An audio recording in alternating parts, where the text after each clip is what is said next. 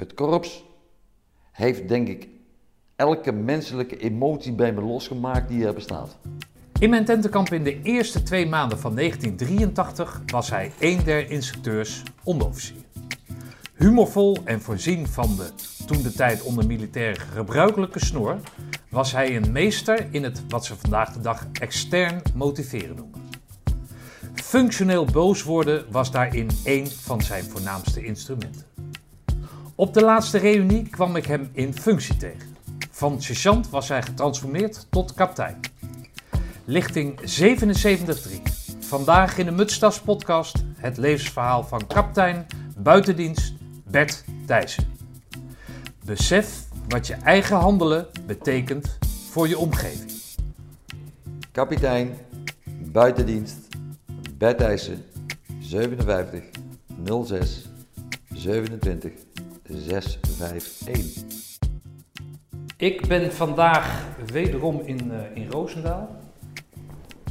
Ik zit tegenover een kerel die ik zag op het Binnenhof. Ik zat voor de televisie uiteraard.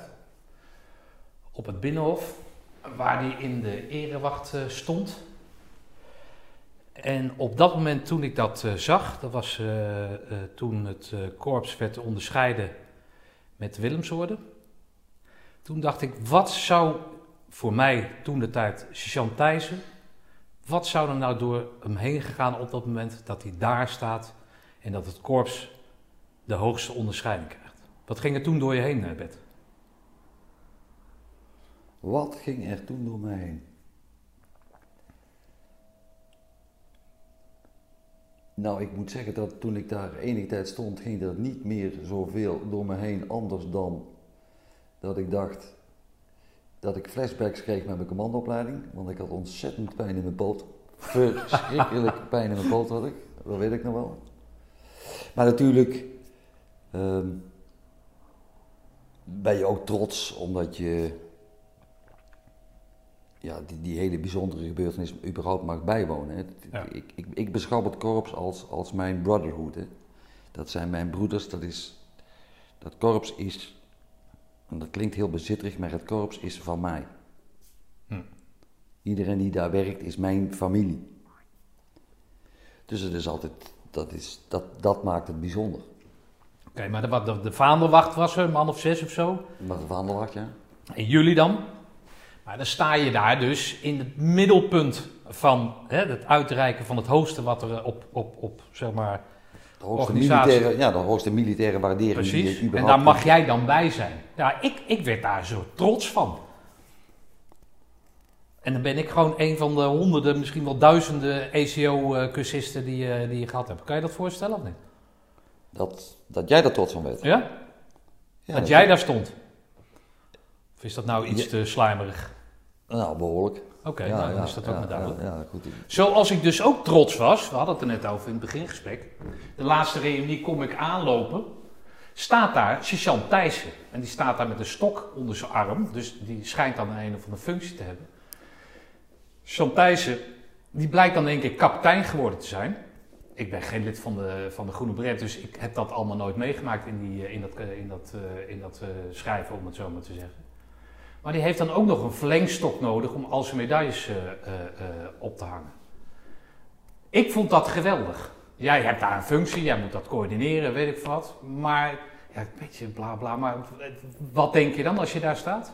Nou, laat ik eerst nuanceren dat ik een, dat ik een verlengstuk nodig zou hebben om mijn medailles eh, overeind te houden. Want in vergelijking met andere mensen binnen het KST is, dat, is, is, is mijn rijtje dan nog zeer bescheiden. Ehm, ja, voor mij is het bijzonder. Voor mij is het vooral bijzonder omdat ik al weer een hoop koppen zie die ik ken of die ik lang niet meer gezien heb. Ja. En ik zie dan uiteindelijk, ik beschouw dat veel meer als dat de roedel weer bij elkaar is. Dat, dat vind ik het mooie aan een reunie. En als je dan mensen herkent of mensen herkennen jou en er zit dan een, een soort, ja dan klik je weer even en dan valt iedereen weer op zijn eigen manier terug in de herinneringen waarbij die eerste ontmoeting of die ontmoetingen hebben plaatsgevonden. En dat maakt het eigenlijk voor mij veel meer. Ja, dat maakt het voor mij in eerste instantie bijzonder. Maar dan word jij natuurlijk, word jij veel herkend dan op zo'n, eh, op zo'n eh, maar ook bij naam? Hé, daar heb je, heb je hem weer? Of Ja, nee, dat-? Nee, maar dat, eh, ik word wel herkend, ja. Positief, meneer Bet? Of, of, of wordt er ook nog wel eens met een grote boog om je heen gelopen? Op zo'n reunie dan, hè? Nou, er, er zullen ongetwijfeld mensen zijn die, eh, die ook om me heen lopen. Maar over het algemeen zie ik wel eh, de blik van, oh hij is er nog. Hij, hij is hier nog steeds. Oké.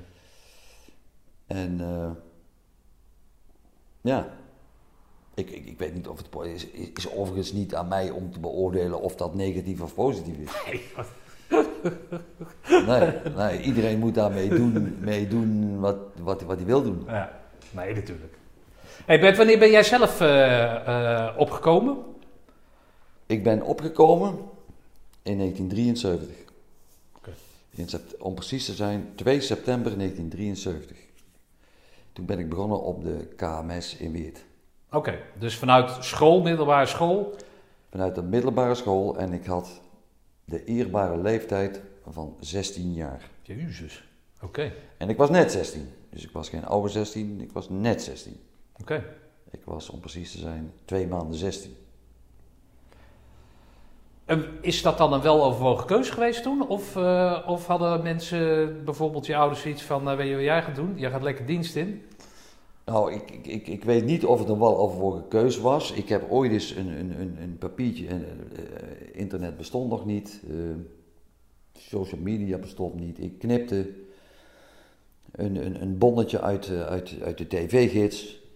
En daarmee kon je dan iemand uitnodigen van Defensie waarmee je een gesprek ging houden over in dienst gaan. Die kwam bij je thuis, hè? Die kwam bij me thuis. Ja. In eerste instantie ben ik eigenlijk door mijn schooldecaan op het dienstspoor gezet, omdat ik graag, eh, ik wilde graag iets in de sport doen. Om naar de sportacademie te gaan had ik minimaal HAVO nodig. Nou, daar had ik, eh, daar had ik niet zin trek in om dat nog te doen. En ik had wel naar het CIOS gekund. En toen zeiden ja, maar je kunt ook in dienst gaan en daar sportinstructeur worden. En eh, dat was mijn primaire gedachte toen ik in dienst ging. Ik, word, ik, ga, daar, ik ga daar sportinstructeur worden. En, en, en zeiden je ouders daar wat van? Vonden je ouders daar wat van? Nee, nee, die vonden er eigenlijk niet zoveel van. Die denkt, als hij dat wil, dan gaat hij dat maar eens lekker uitproberen, die kleine. Oké. Kleine staat voor lengte. De wat? Je was niet zo groot, bedoel je te zeggen? Nee, nee, maar ik, ik was nog erg jong. Oké. En dat bedoel ik meer met kleine. Oh, kleine, oké. Ik was natuurlijk net 16. Maar KMS, dan, dan verbind je dus al voor langere tijd aan, aan, het, aan, het, aan de armee, om het zo maar te Ja, zeggen. ja, dat, dat was een beetje beroeps, hè. Ja. Dus, nou, al- als, ik dat, als ik op dat moment dat al dat, dat besef had wat dat dan betekende. Ja. Wat, wat dat dan betekende. Maar je kwam niet uit een militair nest? Of eh, wat, Nee, helemaal niet. Helemaal niet. Helemaal niet. wat deed je vader dan? Mijn vader die werkte voor een, eh, provinciale gezondheidsdienst voor dieren, zoals dat eh, toen heette. Oké. Wat de, houdt dat in? in de provincie Limburg. En dat had meer te, wat, wat zij met name deden was eh, het in kaart brengen van veestapels, aantal, Ah, zo. Ja, ja, en omgeving en adviseren van boeren enzovoort. enzovoort. Dat Maar in Limburg, jullie woont, jij komt uit Limburg. ik kom uit Limburg. Waar kom je vandaan dan? Ik kom uit Meijel, dat is op de grens tussen Limburg en Brabant. Dat is eigenlijk de Peel, aan de rand van de Peel, daar kom Oké. ik vandaan. Dus je ging dicht in de buurt naar de KMS. Dat is Weert, toch? Dat zit toch Ja, dichtbij? ik ging daar weer, dat was, dat was niet zo ver. Nee, oké. Dat was niet zo ver. Maar intern? Ik zat wel intern Ja, in. Weert. Nee, ik ging, nee, ik ging nooit naar huis. nee. Maar hoe gaat dat dan als jochie van, van net, eh, net geen 15 meer? Hoe, zit allemaal kerels van de jaar of eh, 17, 18. Nou ja, ik, ik, ik, ik, was overigens niet eens de jongste. Oh, Er was er nog eentje, dat, dat was ook een beetje mijn maatje. Die zat in hetzelfde peloton als ik, Jos Tassen. En dat was, eh, die was nog jonger dan ik. oké. Die was 15. Die was 15. Die was 15. Die was 15. Nou ja, goed. De eerlijkheid gebiedt mij te zeggen, en dat, dat heb ik ook op mijn afscheid geroepen. Een slechtere militair was er in die tijd niet te vinden. Dan hebben we het over die kleine, over jou dus. Dan heb ik, het- dan heb ik het over mezelf. Hè. Oh, Ik kom uit een geheugd en ik, ja, ik, ik kreeg te maken met gasten die, die, die, die vijf, vijf jaar ouder waren als ik. Ja. Eh, ik had mensen in mijn peloton die hadden al in dienst gezeten. Ehm, ja, ik, ik was eigenlijk een wereldvreemde burger op die, op die, op die KMS eigenlijk. Oké, maar hoe werd je daar dan, eh, dat viel je een beetje in de groep of, of, of had je er moeite mee? Nee, dat, dat, dat ging me redelijk af. Dat, dat, nee, dat ging me wel goed af. En ik had het voordeel dat ik heel fit was. Oké. Ik was fysiek, ik was niet breed. Ik was niet veel. Nee, ik had dezelfde omvang als nu zo'n beetje. Alleen ik was wel een, eh, een, een taaie rakker die een hele goede conditie had. Ja. Dus zij hoefde, nooit, zij hoefde mij nooit mee te nemen. Dat was een, dat, Oké, dat scheelt. Ja, dan, dan, Stijgt je aanzien. dan stijg je aanzien natuurlijk. En ik, als ik naar. Eh, want dat gebeurde in die tijd veel, hè? dan moest je veel hardlopen. Dat, nou, dan liep ik toch wel altijd bij de eerste drie van het peloton. Dus ze liepen mij dan niet zo makkelijk af. Ja, oké. Maar die, die jeugdige, of die jeugdige, qua leeftijd dan, was dat geen belemmering in sociaal contact? Of, of had je ook dan nog, was je ook nog gezegend met een grote bek? Om je dat op die manier in te vechten of zo? Of eh, hoe, gaat dat? Eh, ik zal ongetwijfeld ook. Nou, ik liet niet zo makkelijk kaas van brood eten hoor. Oké. Nee, dat, eh, dat heb ik eigenlijk nooit gedaan. Oké, maar je was vol overtuigd dat je dus militair wilde worden. En je voelde je ook militair op dat moment. Nee. nee ik Oh, was- niet? Ik was helemaal. Daarom zei ik al, ik was de slechtste. Geen slechtere ik was, militair. er was geen slechtere militair te vinden bij NATO en omstreken, dat was ik. Oké. En dat heeft de hele KMS ook zo geduurd.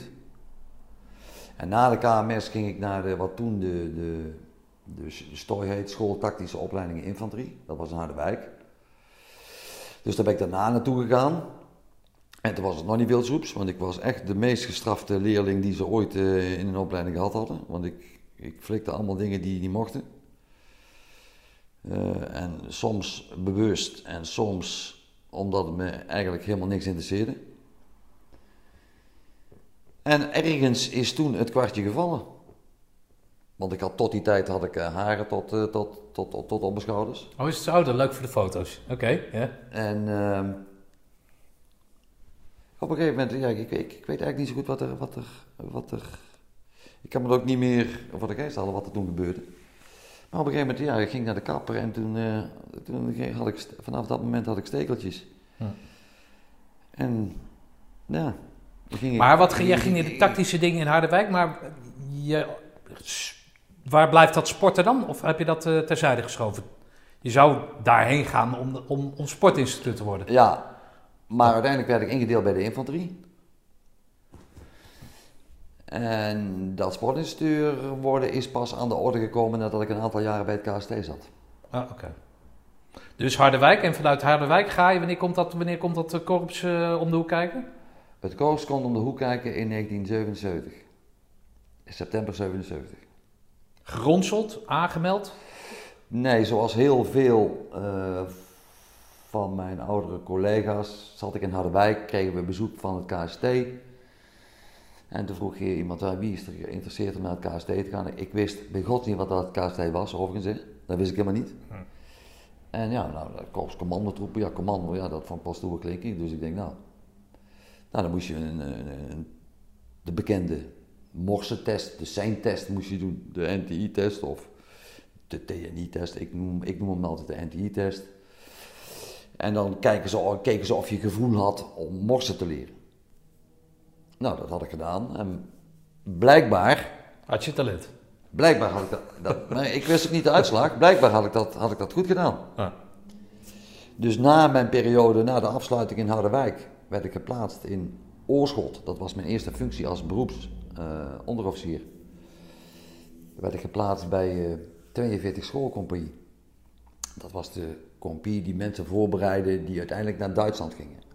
Want toen hadden we nog een, de 42e bataljon Limburgse Jagers, zat in Zeedorf geplaatst. En die opleiding voor die mensen die in dat parate deel zaten in Zeeland, of in Duitsland lees, slash Zeedorf, kreeg ik een opleiding in Nederland. En daar werd ik geplaatst als sergeant-instructeur. Ja. Maar daar heb ik eigenlijk maar heel kort gezeten, want ik, ik, op een gegeven moment moest ik bij de baas komen. Hij zegt, je- ja Thijs, je gaat vertrekken. Oh, waarheen? Ja, je gaat naar Roosendaal. Jij was het al weer vergeten of zo, die je Ja, gemaakt ik, ik was daar niet zo mee bezig. Oké. Dus eh, ik heb, hoe lang heb ik in Oorschot gezeten? Ik denk anderhalf jaar. Dus ik heb mijn stadsver heb ik anderhalf jaar gezeten. En toen werd ik geplaatst in Roosendaal. Of ik mij eh, 3 september 1977 eh, moest, kon melden in Roosendaal. En dat was de vooropleiding. Ja, en toen eh, werd ik daar geplaatst. En toen startte de vooropleiding. Oké. Hoe ging jou dat in Harderwijk af? Want dan ben jij, als je dan, eh, dan is het jouw eerste beroepsplaatsing. Maar dan ben jij nog echt een jong jochie nog. Dan ben jij 18 of zo, of 19. Nee, ik was toen 17. Was je toen 17? Ja, Oké, dus dan... ik, ging naar de KMS op mijn 16e. Oh, op de 13e? Op de 16e. ja, Ik zat een jaar op de KMS. ja oké. Ja. Dus toen, toen ik van de KMS afging, was ik 17. Dus ik kwam op, als 17-jarige kwam ik naar de wijk aan. Hoe ging dat dan met die dienstplichtigen? Want daar zullen best jongens van 17 bij hebben gezeten. Maar Ja, meer nou, nou, waren die- wat ouder, ja, toch? Die, die plichten waren allemaal ouder. Ja. Maar je had in die opleiding had je twee detacheringsperiodes. In die opleiding. Ja. Eentje van drie weken en eentje van zes weken. En die tweede detacheringsperiode bracht ik door bij het 48e bataljon in Den Bosch. Maar toen had ik in mijn hoofd die switch al gemaakt. Toen waren mijn haren er al afgegaan en toen keek ik heel anders tegen dat bedrijf aan. En toen merkte ik, ondanks mijn leeftijd, dat ik heel goed overweg kon met die dienstplichtigen. Ik had er helemaal geen moeite, Oh om- ik had helemaal geen moeite om het te handhaven bij die, bij die eh, Maar ook niet qua leeftijd. nee. Oké. Ik had helemaal geen moeite om het te handhaven met die, eh, bij die, bij die dienstplichtigen. Op een of andere manier ehm, snapte ik, denk ik, intuïtief hoe dat ik met ze om moest gaan. Hm. En ja, blijkbaar accepteerden zij dat. Maar jij snapte dan dat dat jongens waren die er, ja, die veroordeeld waren tot elkaar en daar eigenlijk niet voor gekozen hadden? Of, of wat, wat, wat, wat snapte, hoe snapte jij dat dan? Want jij bent zelf, kan me voorstellen, als je wat ouder bent, dan, dan, dan weet je een beetje sociaal te bewegen. Maar jij komt, wat je zegt, uit een klein dorp. Je komt dan, hè, en, dan ga je, en dan ben je jong en dan kom je met mensen uit de stad of zo. Jij weet die mensen op, op juiste manier in te schatten, te benaderen. eh, en ondanks je jonge leeftijd weet jij respect af te dwingen dan? Of zo? Ja, Hoe nou, werkt dat dan? Nou, dat heeft natuurlijk ook wel, ook wel te maken met, met van wie je het vak leert. Dus wie is jouw leermeester? Wat, waarvan ik vind dat dat altijd wel de, de juiste aandacht mag hebben. Dat je nooit moet vergeten van, van wie heb ik nou, van wie heb ik het geleerd. Want Van dat- wie heb jij daar, daar, daar geleerd? nou, ik, ik, ik had een, eh, een, een van der Zanden, Joop van der Zanden. En daar heb ik heel veel van geleerd. Oké. Dat was een hele rustige man met heel veel maatschappelijke betrokkenheid. Die geïnteresseerd was in mensen. En eh, die heeft, me denk ik, die heeft me denk ik op het goede spoor gezet. Want daarvoor had ik een andere klassecommandant. En eh, nou, daar, daar leerde ik niet zoveel van. Hm. Maar van hem wel. Maar dat, ik kan moeilijk uitleggen waar dat, waar dat vandaan komt. Oké.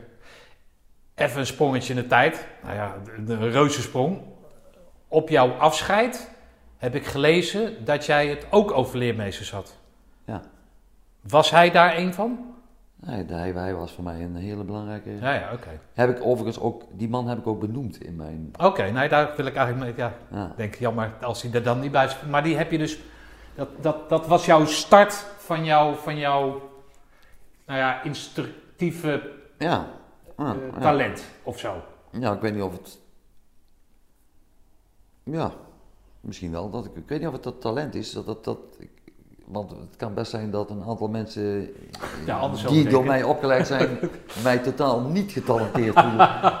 Dat, dat, dat kan ook nog, hè? Nou, die kunnen hem nu uitzetten, het podcast. Nee, nee, nee, nou, die, die moeten hem vooral niet uitzetten. Maar dat, dat, dat, dat kan natuurlijk ook, hè? Ja. Nee, natuurlijk. Kijk, ik, ik, ik, ik, ik weet wel dat, dat, of dat, dat ik op momenten mensen kan boeien en dat ik mensen vooruit kan stuwen. Dat, dat, dat, dat weet ik wel van mezelf. Hm. En dat ik mensen kan boeien. Ja. Dat is mijn telefoon. Ja. Dan moet je even naar luisteren. Mooi mooi. Let op, welke muziek hier is dat?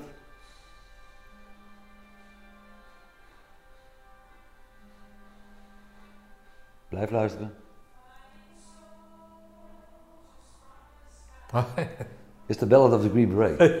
Gezongen door die Nederlandse dame. Dat is werkelijk briljant. Oké, welke Nederlandse dame is dat? Ja, ik, ik weet even de naam niet meer. Maar je moet je voorstellen dat je dat hoort op de appelplaats. En dat geluid staat behoorlijk hard. Oké. En er komt een commandoopleiding binnen. En zij zingt dat live dan of zo? Ja, zij, zij heeft dat. Nee, zij heeft. eh, de Ballad of the Green Beret, Barry Sadler, hè? Daar is een Nederlandse opgave. Dus Ah, oké. In, van Barry hoor, hoor je America's Best. Ja. In dit nummer hoor je Netherlands Ah, oké. Best. Ah, oké. Dat is sinds wanneer of wanneer Ja, dat is, dat, dat is in de tijd van Jans Willens is dat, hebben ze dat Ah, gedaan. oké. Dus dat is nu toch alweer enige tijd. eh, enige tijd Dus als er geleden. nu een commandoopleiding onder deze plaat. Ja, dat of- is, dat is, Ah, dat is mooi. nu onze eigen plaat, ja. Oh joh.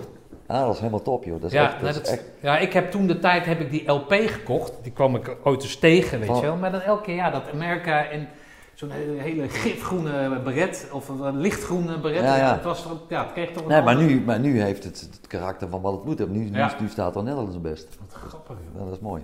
Maar goed, dus eh, jij, eh, jij, hebt- jij vindt daar je basis, je vindt daar het begin in, jouw eh, in jouw ding, maar dan ga je naar Roosendaal toe. En dan is er van het instructieve, dat wordt dan, komt in het teken te staan van het, de groene beret halen. Nee, want in eerste instantie eh, heb ik eigenlijk bijgedragen om de VO, mijn eigen VO op te leiden. Er waren, toen, er waren toen weinig eh commando-instructeurs. Dus mijn buddy Nico Sommerwil en ik, wij werden ingezet om die kerels mee op te leiden. Dus dat waren dan de elementaire militaire lessen, hè, zoals velddienst en eh, nog simpeler de kast inpakken en, en, en, en exercitie en eh, wapenlessen. En, eh, nou, die gaf ik dus aan mijn eigen VO. Oké, waarin jij dan opging als medecursist. En uiteindelijk, ah ja, als we moesten sporten, ja, dan sportte ik dus ook. Dus alle sportlessen volgde ik dan ook als zijnde ook in de VO zittende. Ja, oké. Of als we een kaartleesoefening hadden in de VO, ja, dan moest ik zelf ook mijn best gaan doen natuurlijk. Ja, oké. En dan? En daar, daar zijn we uiteindelijk eh, in november mee gestart. eh. Ook allemaal dienstplichtig, of niet? er waren al, ja, nee, er waren, ik, er waren, we hadden drie beroeps. Dat was eh, de toen luitenant G. Boimler, en Nico Sommerwil. Die kende ik overigens van de KMS, Nico Sommerwil. Want ik, die hadden samen in hetzelfde peloton gezeten op de KMS. Dat werd dus ook mijn buddy. En met z'n drieën waren dus drie beroepjes hadden we. Oké. En wie staat daar de- als, eh, de- hoe heet dat? De tentkampcommandant dan? Eh, tentkampcommandant was Engelsman, Ah, de luitenant Engelsman. oké. Geweldige kerel, Ja? echt een topkerel. Oké. Ik vond het echt geweldig. Ik vond het echt een briljante vent, vond ik het. Oké. Maar vooral omdat hij wilde, ik, ik, ik- ja, ik, ja, ik, nee, geweldig. Een geweldige kerel. Ja, eh, geef daar eens eh, hand en voet aan dan. Wat is ja, daar zo geweldig aan dan? die vent had gevoel voor humor. En wat ik, eh, wat ik echt ontzettend komisch vind, is theatraal gedrag. Dat vind ik echt, dat vind ik, dat vind ik echt zo geweldig. Daar kan ik echt immens van genieten. Maar had jij dat spel ik- dan ik- door? Ik, ik, ik heb je dat straks laten zien, hè? Ja. Komt zo ter sprake, dames en heren. Die vent. Ja. En bijvoorbeeld ook Louis de Funès. Ja. Dat Franse Ja, ja. trefkikkertje. Dat vind ik echt zo mooi om naar te kijken. Dat vind ik echt zo lachen. Oké. Dat vind ik echt geweldig. Maar dat betekent dus, als ik het vrij invul, dat jij meteen het spel door had? Of het spel van, joh, het is de ECO, tuurlijk is het zwaar, Ja, maar dat, dat... dat, dat, dat, dat, had ik, eh, dat, had ik, eh, dat had ik rap door, ja. Oké, Daarnaast had ik ook nog een aantal instructeurs. Kees de Waard, ja. Rob Hellendoorn. Ed Oskam. Oké. En ik denk Harry Stappers. En de Jamior die daar toen bij zat, eh, die naam spreek ik echt met heel veel respect uit, dat was eh, Jan Slot. Ja, bekende naam ook. En dat, dat, dat, dat was het team. Waarbij eh, zowel Hellendoorn als de Waard ook heel veel gevoel voor humor hadden. En ook altijd kutgeintjes met je uithaalden. Maar die vond ik altijd wel doorzichtig. Ja. Ik snapte heel goed dat ik als beroeps gewoon de, de bekende pispaal werd van die Ja. instructeurs. De beroeps in die tijd van de commandoopleiding, als beroeps kreeg je altijd een extra beurt. Hm. Altijd. Dat wist je gewoon. Dus nee, ik. ik, ik eh, Maar omdat jij dus nauw betrokken was bij die VO door gebrek aan instructeurs, groene bret gebreveteerde instructeurs, ja. maakte dat jij anders in die, in, in, tussen die eh, ehm, beroep stond, eh, onderofficieren? Of was jij nog steeds de blanco beret die zijn groene beret moest houden, dus moest je gewoon je bek houden? Nee, ik moest nog mijn bek houden. Oh, moest, moest, dus ik moest, dat, moest was niet anders. Nee, nee, ik moest er vooral uitvoeren. Ja, oké.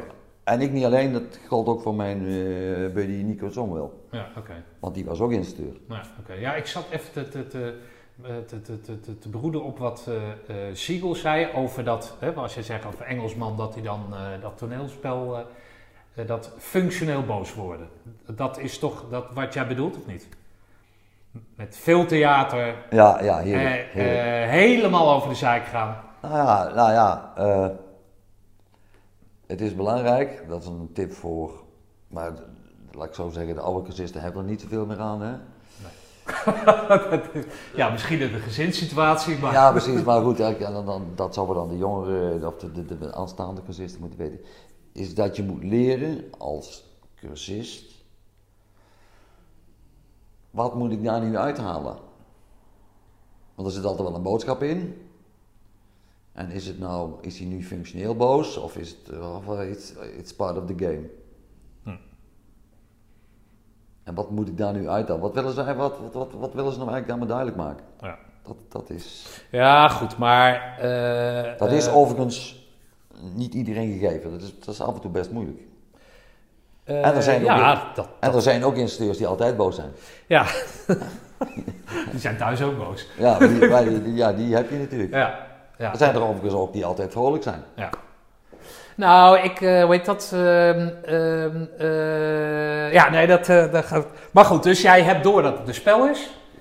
Eh, jij hebt door dat je als dat, of daar heb je mee verzoend, dat je als beroeps eh, wat harder aangepakt wordt, dat je altijd de pispaal bent. Ja. En hoe doen dan die, die, eh, die spijkerbroeken het in, jouw, eh, in jouw peloton? En wat denk jij daar dan van? Die kerels waar jij dan al, hè, ondanks dat je jong bent, heb je toch al een bepaalde periode als militair meegemaakt, beroepsmilitair. Die jongens komen uit de, uit de burgermaatschappij. Die hebben twee maanden vooropleiding. Dat ze saluberen rechts, eh, links, rechts, weet ik veel wat. Eh, eh, hoe, hoe, hoe kijk je daar tegenaan? Kijk, in de vooropleiding ben ik hun instructeur. Hè? Ja. In de commandoopleiding is dat anders. Ben ik een van hun. Ja. Maar moet ik vanuit mijn rol als katerlid eh, natuurlijk dan wel sturing, sturing geven aan, aan, aan alle activiteiten die, die, die cursisten binnen, binnen, binnen, binnen de commandoopleiding moeten doen. Zoals corveeën, maar simpele dingen. Je moet zorgen dat het te vreten is. Maar ook als je putten moet graven. Nou ja, goed, dan krijg je een ploegje en dan ga je met die gasten een put graven. Ja. Dus dat, dat is wel een andere rol. Maar ik, ik heb voor mezelf daarin, is me wel altijd duidelijk gebleven van dat ik kaderlid was. En Ja. dat, ik, dat, ik, dat ik die rol ook te spelen heb als cursist. Ja. Dat, daar, daar, daar, heb ik, daar heb ik nooit moeite mee gehad. Dat, is me altijd wel, dat, wa- dat was me altijd wel duidelijk. Oké. Maar omdat jij kaderlid bent en jij zit bijvoorbeeld in de put met iemand, ondanks dat hij geen beroeps is, maar heb je daar dan een goede band mee? Kan je goed levelen met die lui? Of blijf jij altijd nog van ja, binnenkort heb ik die groene beret, eh, hoop ik. En ik ben kaderlid, dus ik moet nog een steeds een beetje afstand bewaren? Of, of ben je dan een van hun? Of hoe gaat dat dan? Nee, nee, nee. Nee, dan moet je het samen doen. Dat, Dan maakt het niet uit of je nou beroeps bent of dienstplichtig Nee, bent. Je nee. gaat er gewoon voor. nee, dat maakt, dat maakt eigenlijk helemaal niks uit. Je moet, je moet, je dat, bent gewoon buddies van elkaar. je moet dat samen doen. Je bent buddies van elkaar, maar aan de andere kant weet je dat als jij commandantje bent van een, van een teampje wat een, van een put moet graven en niemand loopt de kantjes ervan af dat je niet aan de staat moet trekken. Dat weet je. Ja. Ja. Dus je, je wordt nooit. Eén van hun. Nou, weet ik niet. Ik weet niet, want dat bepaal je zelf niet. Hè? Dat bepaalt de andere kant altijd, hè? of je één van hun wordt. Ja. Maar je kunt die rol van kaderlid niet afleggen als cursist omdat je, ondanks dat je allemaal gewogen wordt op de weegschaal, hè, op de commandoweegschaal, dan kom je Ja. allemaal, op te liggen. Ja. Maar je verantwoordelijkheid als, als kaderlid, ja, die, die kun je niet uitgummen. Dat- maar toch is jou dat dan goed gelukt. Weer terugkomend op dat afscheid, heb ik dus gelezen, dat er 15 man uit die opleiding op jouw afscheid waren. Nee, dat waren de mensen die uit mijn opleiding waren. Die, dat is een peloton wat ik opgeleid heb, waar ik Ja? OPC waarvan, of waarvan ik PS was in de 104. Oh, jij kwam niet uit dat peloton. Oh nee, die was 82 hè? Of Nee, dat- 83, 84. 83-3 was dat. Ja, oké. Oh nee, oké. Dat was Dat dus waren, niet... dat waren die gasten van 83-3. Ja, oké. Nee, dat... nee oké. Dan heb ik het verkeerd gelezen. Ja, Dat, waren, dat waren die gasten van 83-3. ja oké. Maar heb jij nog contact met één van die kerels uit jouw ECO bijvoorbeeld? Uit mijn eigen ECO. Nee. Nee. Al, eh, moet ik even kijken. Ja, zo, ik, ik zie ze af en toe wel eens. Of één of iemand. Maar ik kan, niet- ik kan niet zeggen dat ik eh, op basis van regelmaat daar contact mee heb. Nee, oké. Nee, dat, dat, dat bestaat niet. Oké, maar eh, hoe heet dat? Eh, op de reunie dan weet je met elkaar wel te vinden. Ja, natuurlijk. En dan, ja, Natuurlijk. oké. Zijn daar nog beroeps uit voortgekomen? Uit dat peloton? Ehm,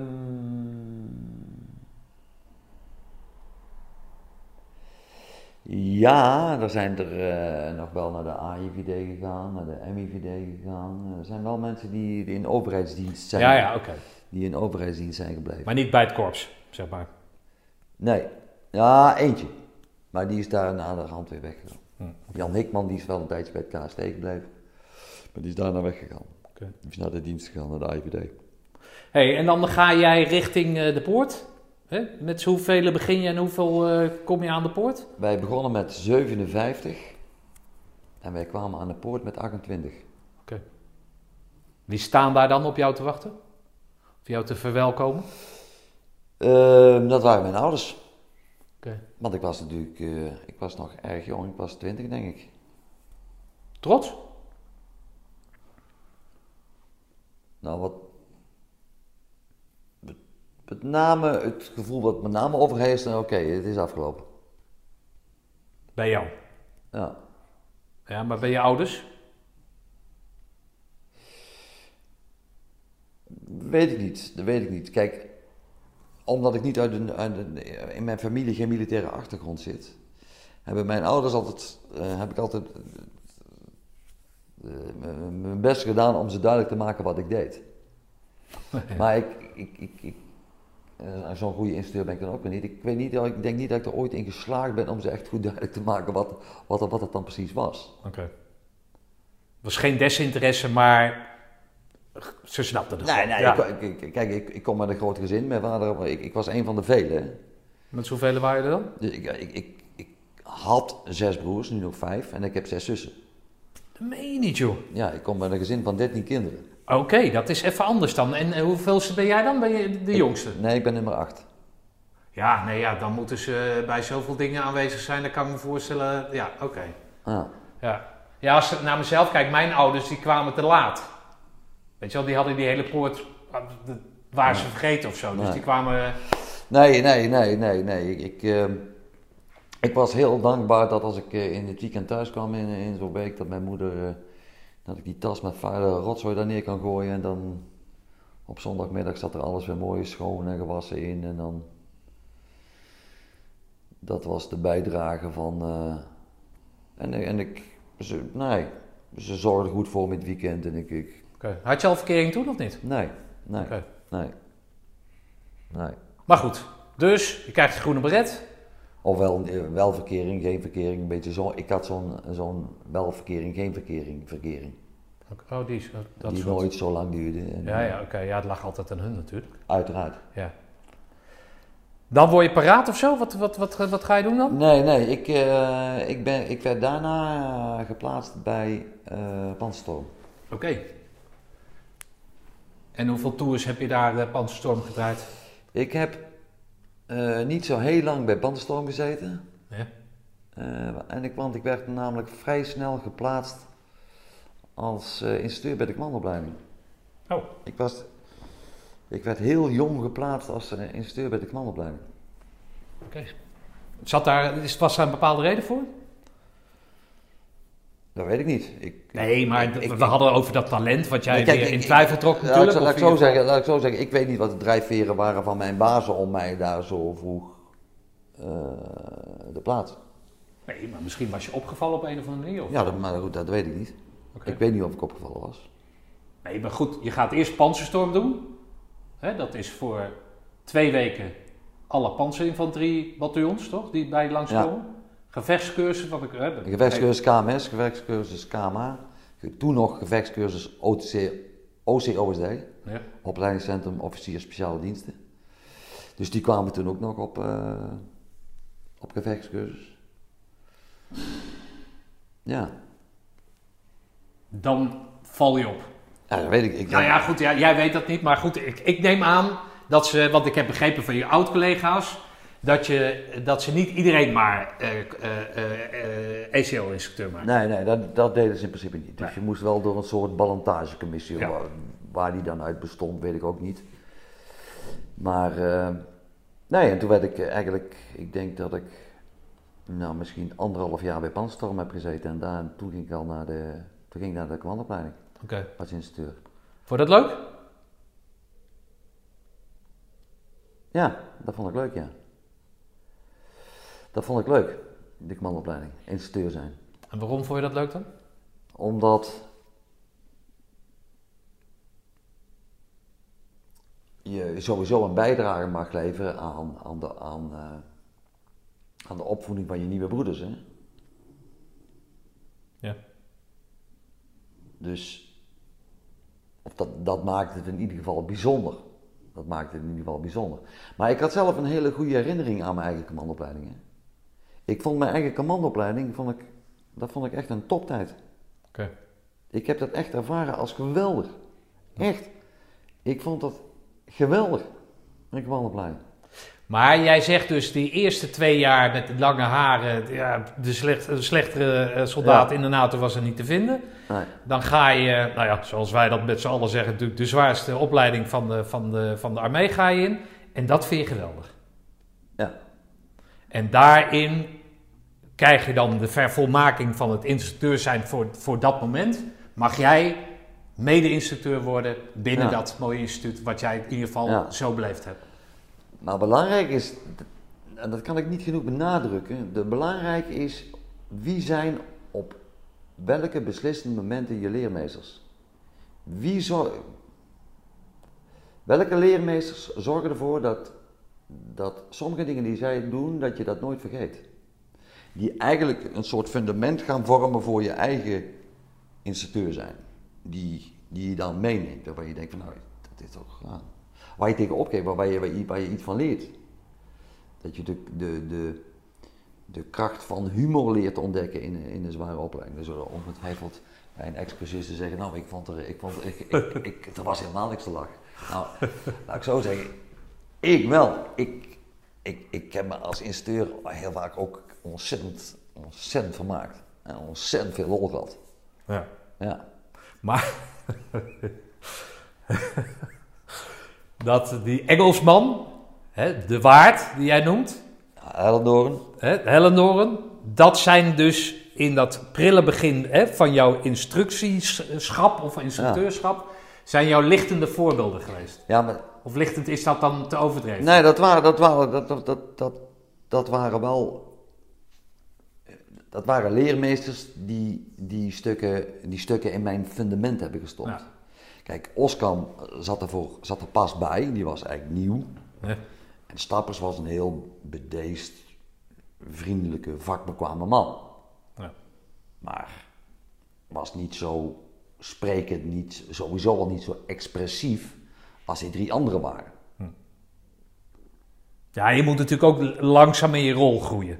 Hè, toch als instructeur. Ja, Ik heb Ed Oskam dan laatst en ik kan me voorstellen dat ja, het is gewoon een heel ander type. Niet, zo, hè, nou, niet eh, eh, de hele, hele teksten, maar daar komen hele humorvolle dingen in. Dus ik, eh, uit, laat ik het zo zeggen. Hè. Nou, is het een stuk ouder. Maar jij gaat dan als jonge instructeur word je bij die commandoopleiding gezet. Noem eens een anekdote dan waar, wellicht heb je een anekdote van bijvoorbeeld zo'n Engelsman. Die jij dan later gekopieerd hebt of zo. Kan, je daar iets, eh, iets van, eh, heb je daar zo'n voorbeeld van? Dat je denkt, oh ja, kut, dat deed hij, dat ga ik nu ook doen. Niet pikken, maar gewoon zo van om aan te geven, dat werkt bij mij.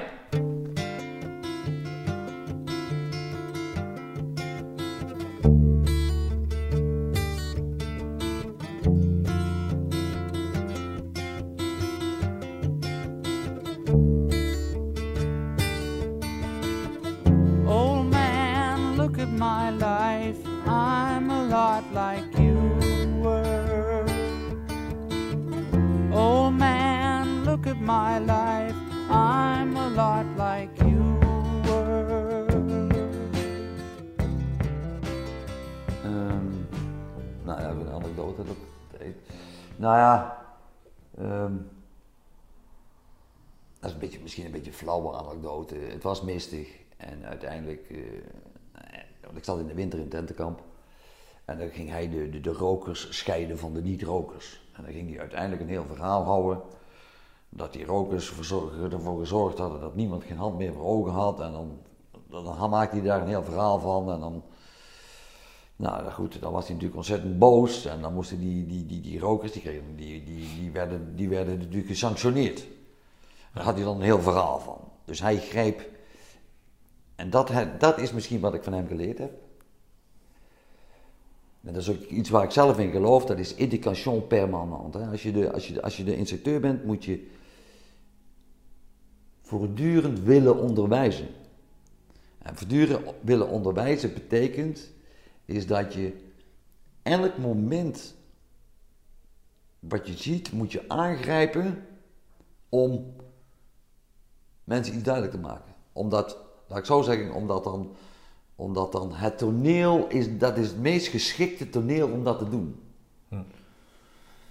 Dus vanuit de visie van eh, education permanente zoek je telkens naar, of ben je onbewust, intuïtief op zoek naar het juiste toneel om iets duidelijk te maken aan iedereen. En dat, dat, dat ehm, klinkt eenvoudig, maar is heel moeilijk. Kan je dat leren dan? Nee toch, dat kan je toch niet leren? Dat, je kan het aangereikt krijgen, maar dan moet je het ook zien en tot je nemen. Daar bestaat toch geen, geen, geen cursus voor wel? Nee, er bestaat geen cursus voor. Nee. Nee, dat staat er niet. Dat, dat is een beetje, dat, ja, dan moet je, ja, ik ja, je moet daar ook wel gevoel voor hebben, denk ik. Ja. En je moet daar de. ehm, je moet leren begrijpen dat zo'n moment. dat de omgeving er veel meer voor zorgt dat iemand dat, die les niet meer vergeet. dan dat wat je zelf inbrengt. Leg, Ik zal dat ook eens proberen uit te leggen. Het toneel is dan bepalend voor de, voor de manier waarop het binnendringt en of iemand het vasthoudt. Dus dat betekent dat als ik er op dat moment, jij als instructeur en ik als cursist, er helemaal doorheen zit. En jij mij op een bepaalde manier, los in te vullen, hè, motiveert. Dat het, als jij dat op een goede manier weet te doen, ik dat voor altijd bij me hou. Ja, Die les. Ja. Daar streef jij naar. ja, Dus als ik dan op zware momenten in mijn latere leven kan terugpakken naar dat moment. En dat ik dan zeg van, ja, maar als het, ik heb het nu zwaar. Wat ik toen heb meegemaakt met die Chantijzen, dat was pas zwaar. Dan heb jij het goed gedaan als instructeur. Is, is, is, is, voel Nou, jij dat dan- zo? Nou, Dat is misschien wel heel extreem, maar ik heb het pas goed gedaan als jij vanuit dat moment gereedschap vindt om daarna elk ander zwaar moment aan te gaan. ja, ja, oké, ja, ja, dat bedoel ik. Ja, oké, dan, ja, Want dat laat je er even weg. Hè? ja. Het, het, het gaat er niet om dat, dat als je het slecht hebt, je denkt, god, maar ja, in de commandoopleiding had ik Ja, het- nee. in de, Ja, nee, je hebt- in de commandoopleiding had ik het ook slecht. Uiteindelijk, waar het uiteindelijk om gaat is, Hoe ben ik daar uitgevochten en hoe kan ik ja, nu op dit moment wat, wat is er toen gebeurd dat ik daar overheen gekomen ben? Absoluut. Ja, nee, dat, eh, dat, dat is een goede. En dat kwam door een instituut die zei, dan moet je bek houden, je moet doorlopen. Ja, En toen, ja, uiteindelijk dacht ik dat ik het ook niet redde, maar toen, ik heb het overleefd. ja. ja, dat was een goede Dus- instructie. Moet je bek houden, je moet doorlopen. Ja, dus, dus misschien moet, Ja. ik, moet ik mezelf nu wel een schop onder mijn hol geven. Ja, ja, ja. En niet gaan janken. Ja. En gewoon, eh, hey, voorwaarts. ja. ja. Dus- Hoeveel ECO's heb jij gedraaid? Bij benadering, want het schijnt er erg veel te zijn. bij benadering 30, denk ik. Oké. Of iets minder, 28. Maar toen de tijd, eh, verbeter me als het niet zo is, maar moest je toch om de vier jaar als eh, beroeps wisselen van functie, standplaats en dat soort zaken, of niet? Maar ik heb niet aan ingesloten, maar ik heb als sergeant bij de commandoopleiding gezeten. Ja. Ik heb als sergeant 1 bij de commandoopleiding gezeten. Ik heb als sergeant-major bij de commandoopleiding gezeten. En ik heb als adjudant bij de commandoopleiding gezeten. Ah, oké. Dus ik heb in alle onderofficiersgangen een langere of een kortere of langere periode bij de commandoopleiding gezeten. Ah, oké. En we hebben een periode gehad en draaiden we drie commandoopleidingen per jaar. Oké. Dat is veel of dat is weinig? Dat is veel, drie. Dan draaiden ze een extra lichting, dat hebben ze in een paar jaar hebben ze dat gedaan. Ja. En dan werd de VO opgeleid door instructeur Spanstorm. Dan draaiden we eigenlijk twee ECO's achter elkaar. Ja, dat was ook in ons jaar dan. Ja, Ja. ja. ja. Dus Ja, dan doe je er veel, bedoel je te zeggen. Daar kom jij aan die 30, omdat Ja, er meerdere per jaar eh, gegeven werden. ja, Ah, Oké. Hey, en in die, eh, in die eh, ACO-tijd dan, of nee, in die tussentijd, dat jij dus dan die, hè, als sergeant heb je hem gedraaid, word je dan daarna overgeplaatst naar een ander onderdeel? Nee, want ik ben uiteindelijk, moet ik even nadenken.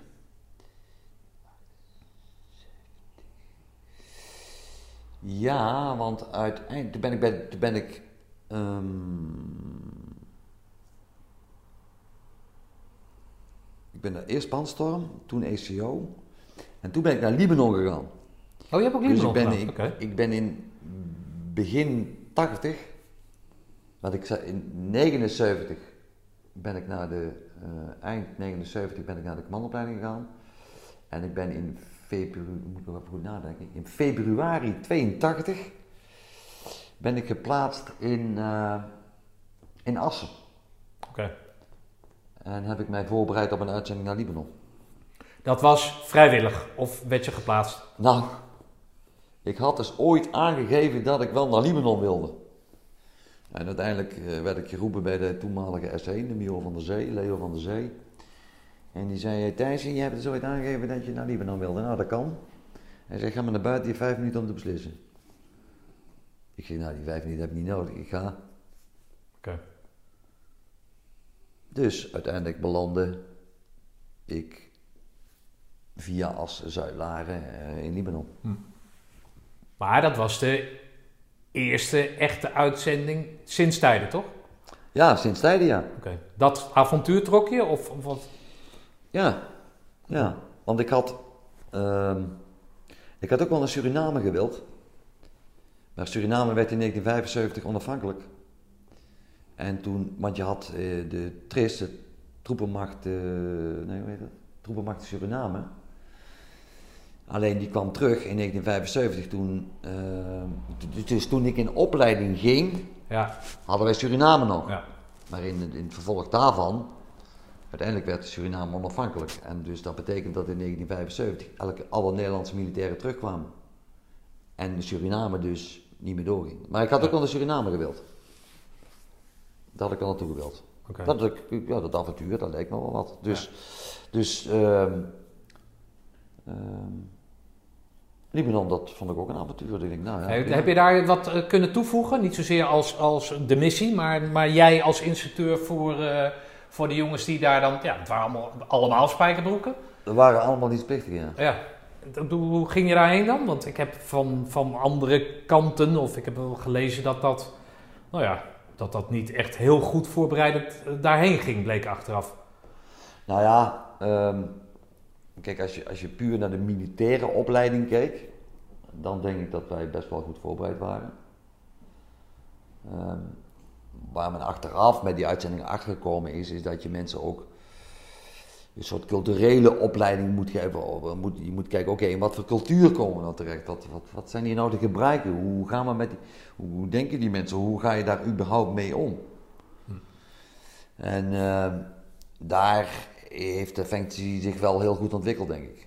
Maar dat was toen... net- Nee, dat was twee. Je moet ergens beginnen natuurlijk, maar laat goed, eh, goed, begin 80 jaar, nou die uitrusting, dat was allemaal, eh, dat was allemaal niet wat soeps. Dat was, eh, Nee.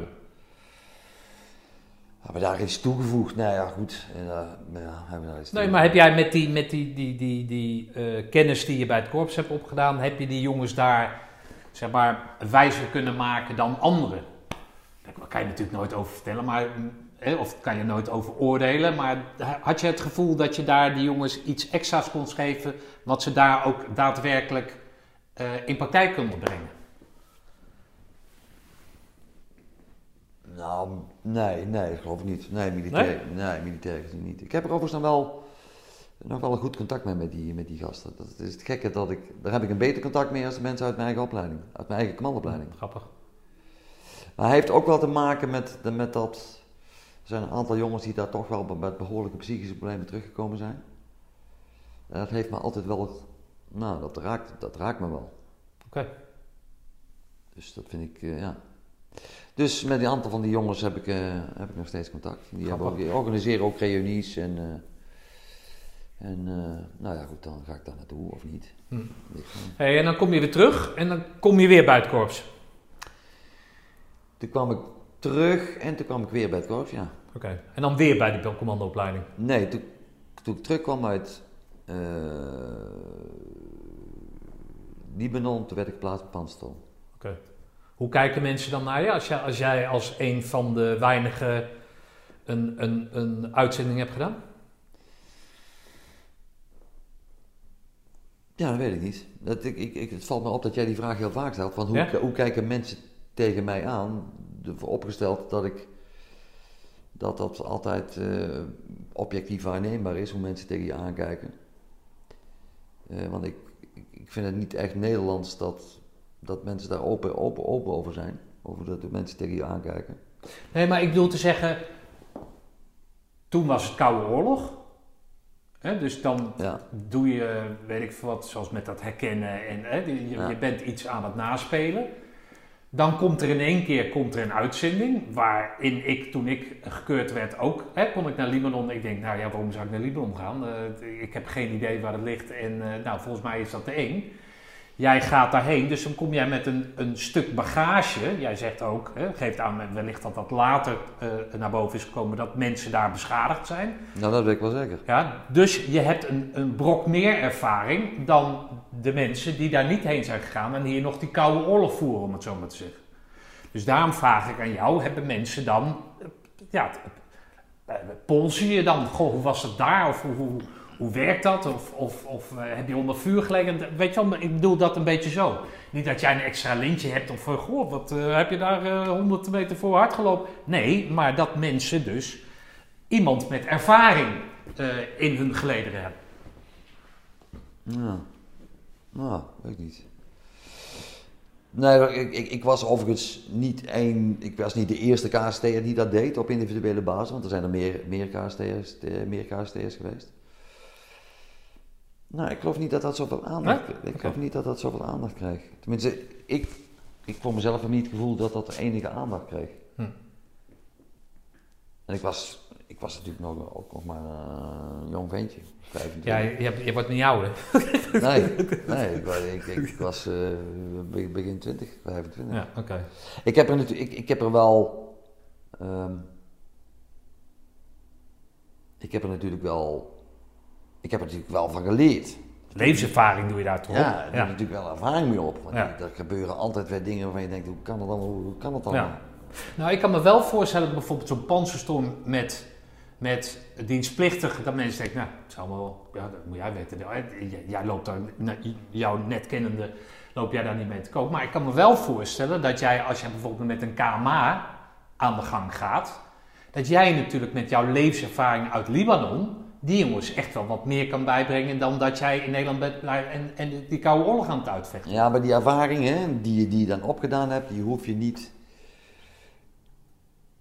Ik zou zeggen, die zou zich in, in veel meer moeten veralgemeniseren in je totale gedrag dan dat je heel specifiek eh, refereert aan. Nee, je hoeft daar geen, geen stoere. eh, dat, dat bedoel ik niet. Hè? Maar dat je zelf het gevoel hebt van jongens, heb gewoon wat meer in mijn mars, ik heb wat meer in mijn bagage, omdat ik zo'n uitzending heb gehad. Nou, zo heb ik, zo heb ik nooit naar mezelf gekeken. Ah.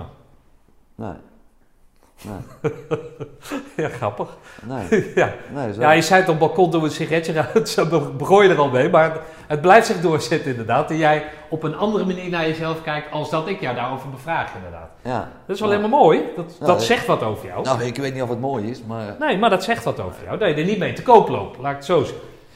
Alleen waar ik dan zo benieuwd naar ben, maar, hè, omdat je jong bent en dan op dat moment al veel hebt meegemaakt, meer dan de rest, of dat zich ook vertaalt in dat instructeurschap. Dat, je daar, dat je daar op een andere manier naar, naar jongens, hè, dat, je, dat je meer coachend bent. Of, of, Kijk, misschien is het wel grappig om een andere anekdote. Ik, ik, ik had een vent peloton, die, die spoorde niet helemaal. Ik zal ook zeker nu niet zijn naam noemen. Maar die duikte s ochtends een keer in mijn prefab op en hij zegt... eh oh, nou, ik heb iets ruigs gedaan. eh." Ik zeg, nou, vertel eens, wat voor ruige dingen heb jij gedaan? Maar hij had s'nachts, had hij wacht gehad. Dan liepen een hoop katten rond. En had hij een van die katten gevangen en die had hij aan de mijnenprikker gestoken. En die had hij boven het vuur gehouden. Dus dat, dat, vertelde hij mij. Dus ik zeg tegen hem, dat- dus dit ben jij stoer. Ik zeg, nou moet je rap maken dat je uit mijn hok komt, anders timmer ik je naar buiten. Ik zeg, want ik vind dat namelijk helemaal niet stoer. Dat is dierenmishandeling. Daar vind ik niks stoers aan. Opgedonderd. Wie die vent weg. Bleek het de katten zijn, wat de mascotte was van een geniepeloton, wat ook op dezelfde post zat als waar wij zaten. Dus er is een kopies happening. Uh, S'avonds, volgens mij was het met oud en nieuw zo, of met kerst, ik weet niet precies wat het was. Het was in ieder geval rond die, rond die perio- periode. En komen uiteindelijk komen die genisten naar me toe. Komt een van die genisten naar me toe en zei: Luister, sergeant. Wij weten allemaal dat jij altijd goed voor jouw kerels opkomt. Maar nu niet, hè? Want die vent die onze kat gemold heeft, die gaat aan het mes. Dus eh, die gasten zeggen tegen mij: Ja, luister, eh, je moet je daar niet mee bemoeien, deze keren. Maar zo had ik dat zelf niet gezien. Ik, ik was mij niet bewust dat ik. Ik kom maar voor mijn kerels op. Natuurlijk zijn mijn kerels, die heb ik zelf opgevoed. Dus als, als, als ze ergens aan de pot pissen, dan ben ik ook degene die daarin zijn verantwoordelijkheid moet nemen. En zeggen, ja, want eh, heb ik hem, blijkbaar heb ik hem niet goed duidelijk gemaakt dat hij dat niet moet doen. Ja, en zoals ik dat peloton wat ik toen al beschouwde als mijn kerels, beschouw ik het korps ook als mijn clan, mijn, Ja. mijn kerels. Dat zijn mijn maar broers. hoe is dat dan afgelopen? Ben jij voor die kerel gaan staan, echt zo, ja, het is heel dom van hem, maar ja, het is goed. mijn kerel? Of heb je hem... Nee, nee, ik zal je besparen wat er allemaal verder gebeurde. Die vent, die was daar ook binnen, die ontsnapt door de wc-raam. Eh, gaat naar de prefab, gaat daar een grote Kalashnikov eh, dolk eh, bajonet halen die hij in een local shop gekocht had. Komt via het wc-raampje weer terug en zegt tegen mij, tilt zijn, zijn ding op en zegt, kijk eens, eh, als ik ga, dan gaan er een paar met mij mee, zei hij. Oké. En uiteindelijk, om een lang verhaal kort te maken, werd hij bewusteloos geslagen door een van mijn eigen kerels. Ja. Van mijn, mijn eigen peloton. Die sloeg hem met een pionierschop sloeg hij hem buiten Westen. Toen hebben, heeft, mijn eigen kerels hebben hem opgepakt. Die hebben hem op een bed gelegd. Die hebben hem met mantelriempjes aan dat bed vastgemaakt. Zodat hij geen gekke dingen meer kan doen. En uiteindelijk hebben ze die genisten buiten de deur gehouden. En uiteindelijk is dat als een soort vuurtje, is dat heel langzaam gesmoord. En daarna is het volledig uitgegaan. Dus dat zijn, dat zijn wel... Het zijn wel levenservaringen die je meeneemt. Ja, maar, ja, maar achteraf, achteraf zijn, dat, zijn, dat, zijn dat ook wel dingen waar je dan, waar je dan ook alweer gewoon kunt lachen. Ja, ja oké. Ja, je kan, je kan niet alles eh, voorkomen, maar je neemt alles tot je en dat neem je mee in je bagage, toch? Ja, ja, ja. Of niet? Ja, ja. Nou, en dan, waar ik naartoe wil, is dat je, eh, ik wil helemaal nergens naartoe, maar dat je Ja, je- onder druk, onder spanning, toch dingen meemaakt die je, die je anders nooit zou meemaken, toch? Dat, dat is toch gewoon zo? Of zie ik dat nou helemaal verkeerd? Nee, nee, dat, na- na- na- natuurlijk is dat zo. En dat, daar, daar, zit, daar, zit het, daar zit het KST vol van. Hè? Die lui die hebben, ik weet niet hoeveel uitzendingen, nog veel meer dan ik. En die zijn natuurlijk naar alle plekken op de wereld geweest. En natuurlijk maakt dat indruk en natuurlijk doet dat wat met je. En of dat aan de oppervlakte ligt, dat is nog maar de vraag. Ja. Behalve als je daarop door zou vragen, dan, dan. Want wij slaan dat op, wij, en misschien mag ik dat niet zeggen, maar dat doe ik nu even toch. Wij slaan dat op als iets normaal, omdat iedereen in die omgeving maakt dat mee. Hè? Dus voor ons is dat niet apart.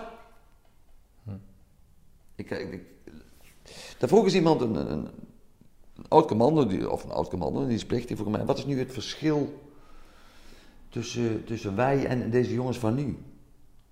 Het verschil is, en dat was, dat was kort na de Afghanistan-periode, dat 85% heeft ooit een vuurcontact meegemaakt. Ja. Maar omdat 85% dat meemaakt, vindt iedereen dat eigenlijk Normaal. normaal. Dus wat wij normaal vinden, daarvan denkt een- iemand dat er van buitenaf tegenaan kijkt, is dat heel anders. Wat vinden jullie dan van? de- Ja, wij vinden niks, want, wij, want wij, iedereen heeft dat meegemaakt hier. Ja. Dus daar, daar zit dan het, het, het, het- daar, daar komt het grote verschil. Ja. Nou ja, ik heb tijd geleden Peter Berks, een eh, marinier, eh, ook eh, groene bret dragend, geïnterviewd. Ja, en die zei van ja, je kan, eh, of vrij vertaald dan, je kan nog zo'n opleiding eh, doen eh, wat je wil. Maar als je ooit met elkaar onder vuur hebt gelegen, ja, dat schept een band. Ja. Toch? Ja, ik heb nog nooit gelukkig onder vuur gelegen, dus... Nee, maar dat, dat, ja. Kijk, eh, niet dan ik persoonlijk, maar ik, ik, ik, ik weet dat er mensen zijn op de KST die hebben moeten vechten voor hun leven. Ja. Nou, en als je daar met z'n allen uitkomt, Ja, daar kan toch geen commandoopleiding of, eh, of wat dan ook tegenop? Toch? Het is alleen maar respect, hè? De respectvol Nee, worden, maar hè? dat, dat. Kijk, ooit. En dat, is, dat vind ik een, een van de rijkste momenten die ik als militair heb gehad. Ik was instructeur in de commandoopleiding en ik zei altijd tegen die lui, luister jongens. Het is in mij gefikken of jouw wapen werkt, hè, omdat je te lui bent om onderhoud te plegen. Jouw dingen. Ik zeg straks, zijn jullie buiten zijn, dan ben je op missie. En dan zit ik in de ops, met een bakje koffie en een pornoboekje. En dan hoor ik wel of jullie mij nodig hebben. Die zeggen, ik kom niet, hè. Maar of je dan steun moet hebben vanuit de ops, hè. Zo simplificeerde ik dat eigenlijk. Dus je moet gaan ontdekken, wat is mijn verantwoordelijkheid?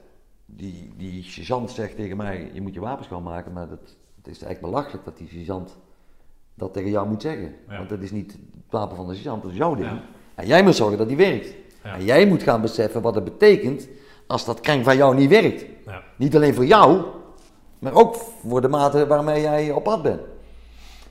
En toen zei een van die kerels, die zei toen, dat zei, ik in de, dat zei ik in de opleiding van die lui. En het mooie was, dat ik uiteindelijk met die lui in Afghanistan terecht kwam. Nee. Tijdens eh Viper 3. En toen zei die gasten tegen mij, Bert, ik snap nou pas waarom de commandopleiding in elkaar zat zo, om, zoals die in elkaar zat. Dat snap ik nu pas. Dat is verantwoordelijkheid nemen. Op dat moment. Voor jezelf.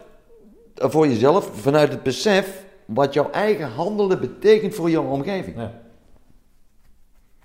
Ja. Ja, dat kan ik me voorstellen. Of dat, ja. Ja. Dat, dat ervaar je daar pas. Ja. Omdat je daar in situaties terechtkomt waar het uiteindelijk uitmaakt of je het gedaan hebt, ja of nee. Precies. Ja. Nou, en dan even teruggrijpend en niet, weet ik veel wat. Maar als jij dan naar Libanon gaat, dan geldt datzelfde toch? Ook al was het natuurlijk een hele andere missie en een heel, weet ik veel wat. Maar dan geldt datzelfde toch? Dan kom je toch veel dichter op de waarheid te zitten dan dat je de Koude Oorlog aan het voeren bent in het herkenningslokaal. Ja, maar ik, ik moet, voor mij waren die uitzendingen niet, sowieso niet vergelijkbaar. Ik had in Libanon veel meer het idee, ik moet nog veel beter op mijn kerels passen dan als ik met KST op stap ging. Hè? Want ik had vaak het idee dat ze dan op mij pasten, hè? Ja. die jongere garde. Dat, dat, Ja, die missies mag je ook niet vergelijken. Nee, dat snap dus ik. dat kun je niet Nee, vergelijken. De hele omstandigheid in Libanon was, was natuurlijk anders. Het werk wat we daar deden was anders. Ja. Want wat, wat we met name deden was roadblocks bezetten. Ja. En de kerels leveren voor, de, voor die op de bataljonstaf werkten. Ja. En dat, Maar goed, daarna stop ik erover. Maar als ik met die rode dop loop, hè, hè, dan moet dat wapen, maar ik kan er toch niks mee. En als jij in Libanon zit, daarom ben ik, ik ben helemaal niet jaloers op mensen op uitzending. Ik ben blij dat ik het niet gedaan heb. Maar als het allemaal moet werken, dan kom je veel dichter, veel sneller op dat ding van ja, het moet gewoon goed zijn. En niet om de sergeant te pleasen, dat, dat, dat zeg je toch, maar om mezelf te pleasen, dat als ik het nodig heb, dat hij het ook doet. en dat is nou de reden waarom die leermeesters zo belangrijk zijn. Ja. Die leermeesters hebben jou dat geleerd en dat geef jij door? Dat zeg je dat? Daarom zijn de leermeesters belangrijk.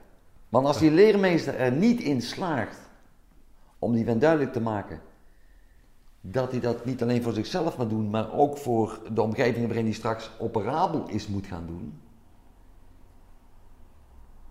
dan, dan is de leermeester ongeschikt. Er dient, en ik, ik, als jonge hond zal ik daar ongetwijfeld ook fouten in gemaakt hebben, dat, niet ongetwijfeld, heb ik daar fouten in gemaakt. Maar uiteindelijk ga je begrijpen dat je als leermeester de voortdurend de relatie moet kunnen leggen tussen wat betekent dit gedrag voor straks in de praktijk, in een, in een operationele scène, in een operationele omgeving. En als, jij die, niet- als je die relatie niet kunt leggen, dan is dat een, een, een, een omissie in, in, in, in, in, in, in opleiden. In opleiden en trainen. Want anders heeft het namelijk geen zin als die relatie er niet is. En die relatie die heb jij en je collega's ook ten tijde van onze ECO gelegd. En dat doen ze nu nog steeds. Alleen nu is het veel prangender, de noodzaak. Als de heli om 5 over 12 komt en je bent er niet, nou, dan, eh, dan gaan wij weg zonder jou. Was dat vroeger, werd dat, ik kan me dat niet herinneren. Het zal vast gezegd zijn, maar het is Ik- nu, nu nou ja, realistischer geworden dan. toch? Ja, maar ik denk ook dat. ehm,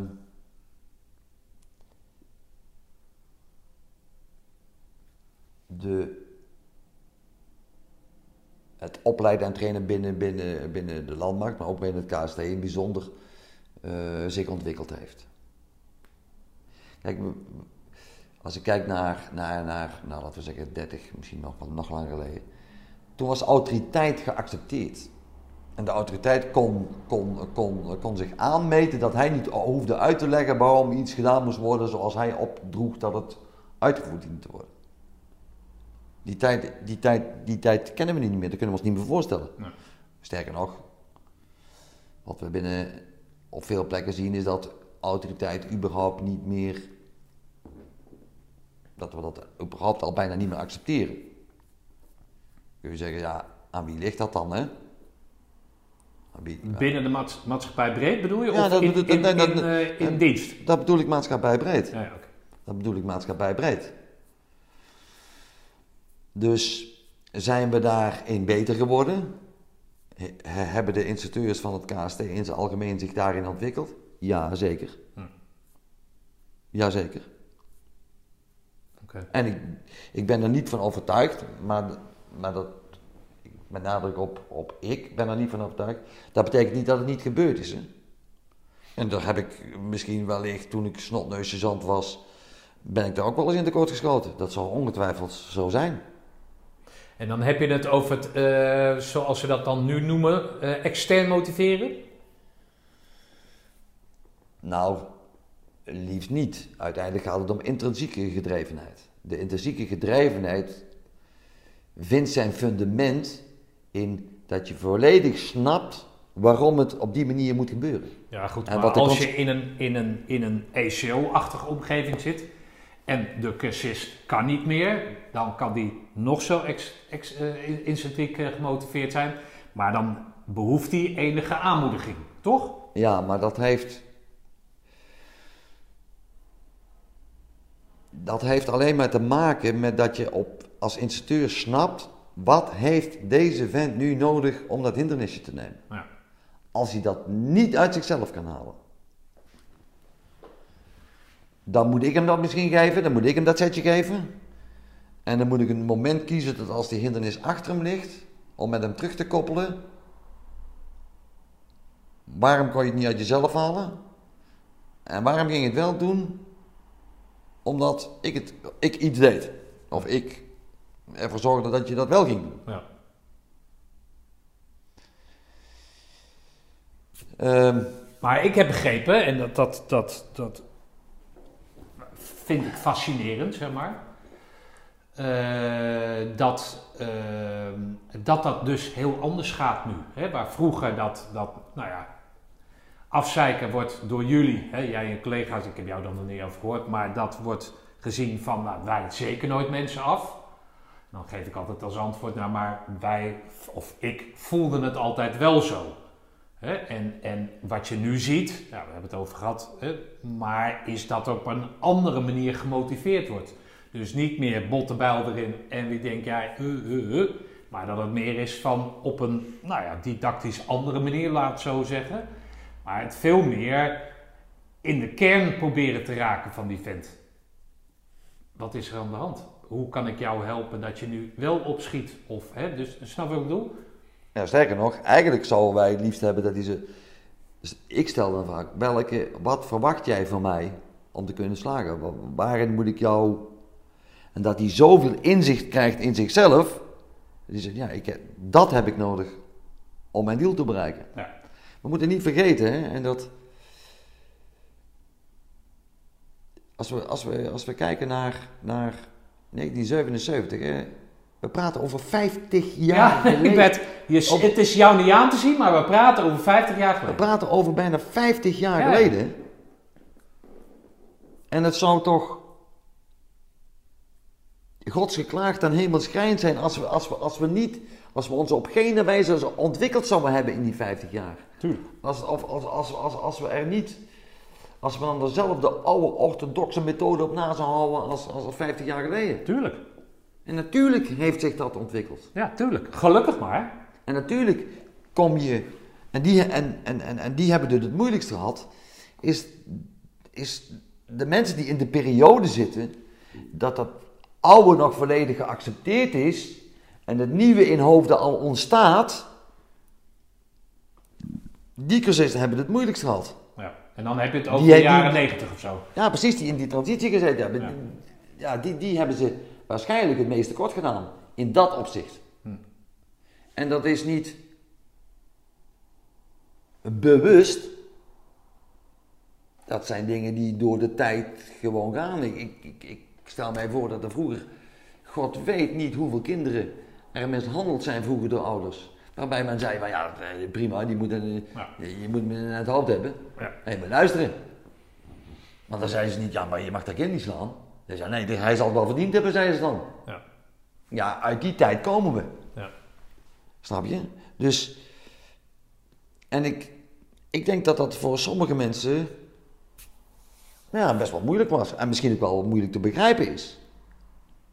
Maar als je terugkijkt en, en waar komen we vandaan en hoe is dat gegroeid en waarom was het, waarom was het zoals het ging, ja, dan heeft dat onder andere daarmee te maken. Kun je die opleidingen nog vergelijken? Nee. En het zou, ook maar niet, het zou ook niet goed zijn als we ze konden vergelijken.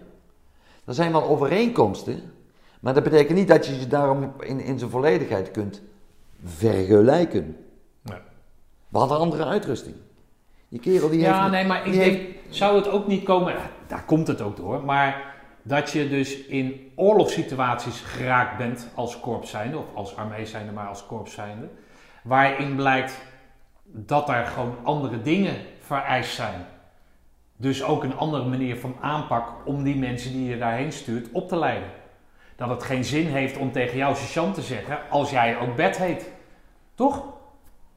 En dat dat even goed functioneert. Als er maar respect is en als er maar, hè, als er beslissingen genomen worden, dat, we- dat we niet in een praatgroep eh, belanden. Nou, kijk, kijk dat, dat... Of haal ik nou dingen door elkaar? Dat kan ook. Ja, ik denk dat je dingen op elkaar haalt, maar dat geeft niet. Dus... nee, kijk, men hangt wat mij betreft veel te zwaar aan of, of, of, of nou iemand een voornaam moet noemen of bij de rang moet noemen. Het interesseert me geen hol. Nee. Want dat is namelijk uiterlijk. Dat zijn uiterlijkheden. Ja, daar heb jij niks Die- mee, dat weten we. Die, die doen er, dat, dat doet er helemaal niet toe. Nee. Het gaat erom, kunnen wij van elkaar op aan als het, als het echt nodig is.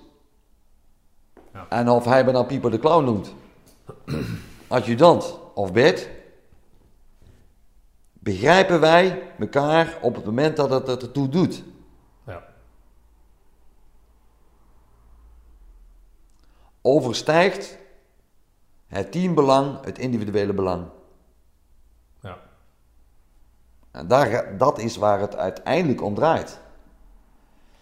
En dat voornamen noemen en, en pakken, dat is allemaal. Dat- dat- uiteindelijk, dat, dat doet er totaal niet toe.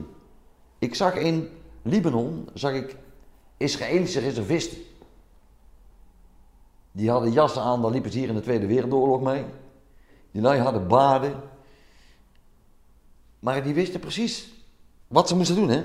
In functionele zin, hè? Dus is elkaar bij de voornamen noemen een voorwaarde om uiteindelijk, dichter bij elkaar te komen. Nee, dat, dat is het niet. Alleen doordat je in oorlog bent, eh, eh, merk je wel dat bepaalde eh, ingesleten patronen totaal niet belangrijk zijn. Als je dus, zoals jij ook zegt, maar van elkaar op aan kan.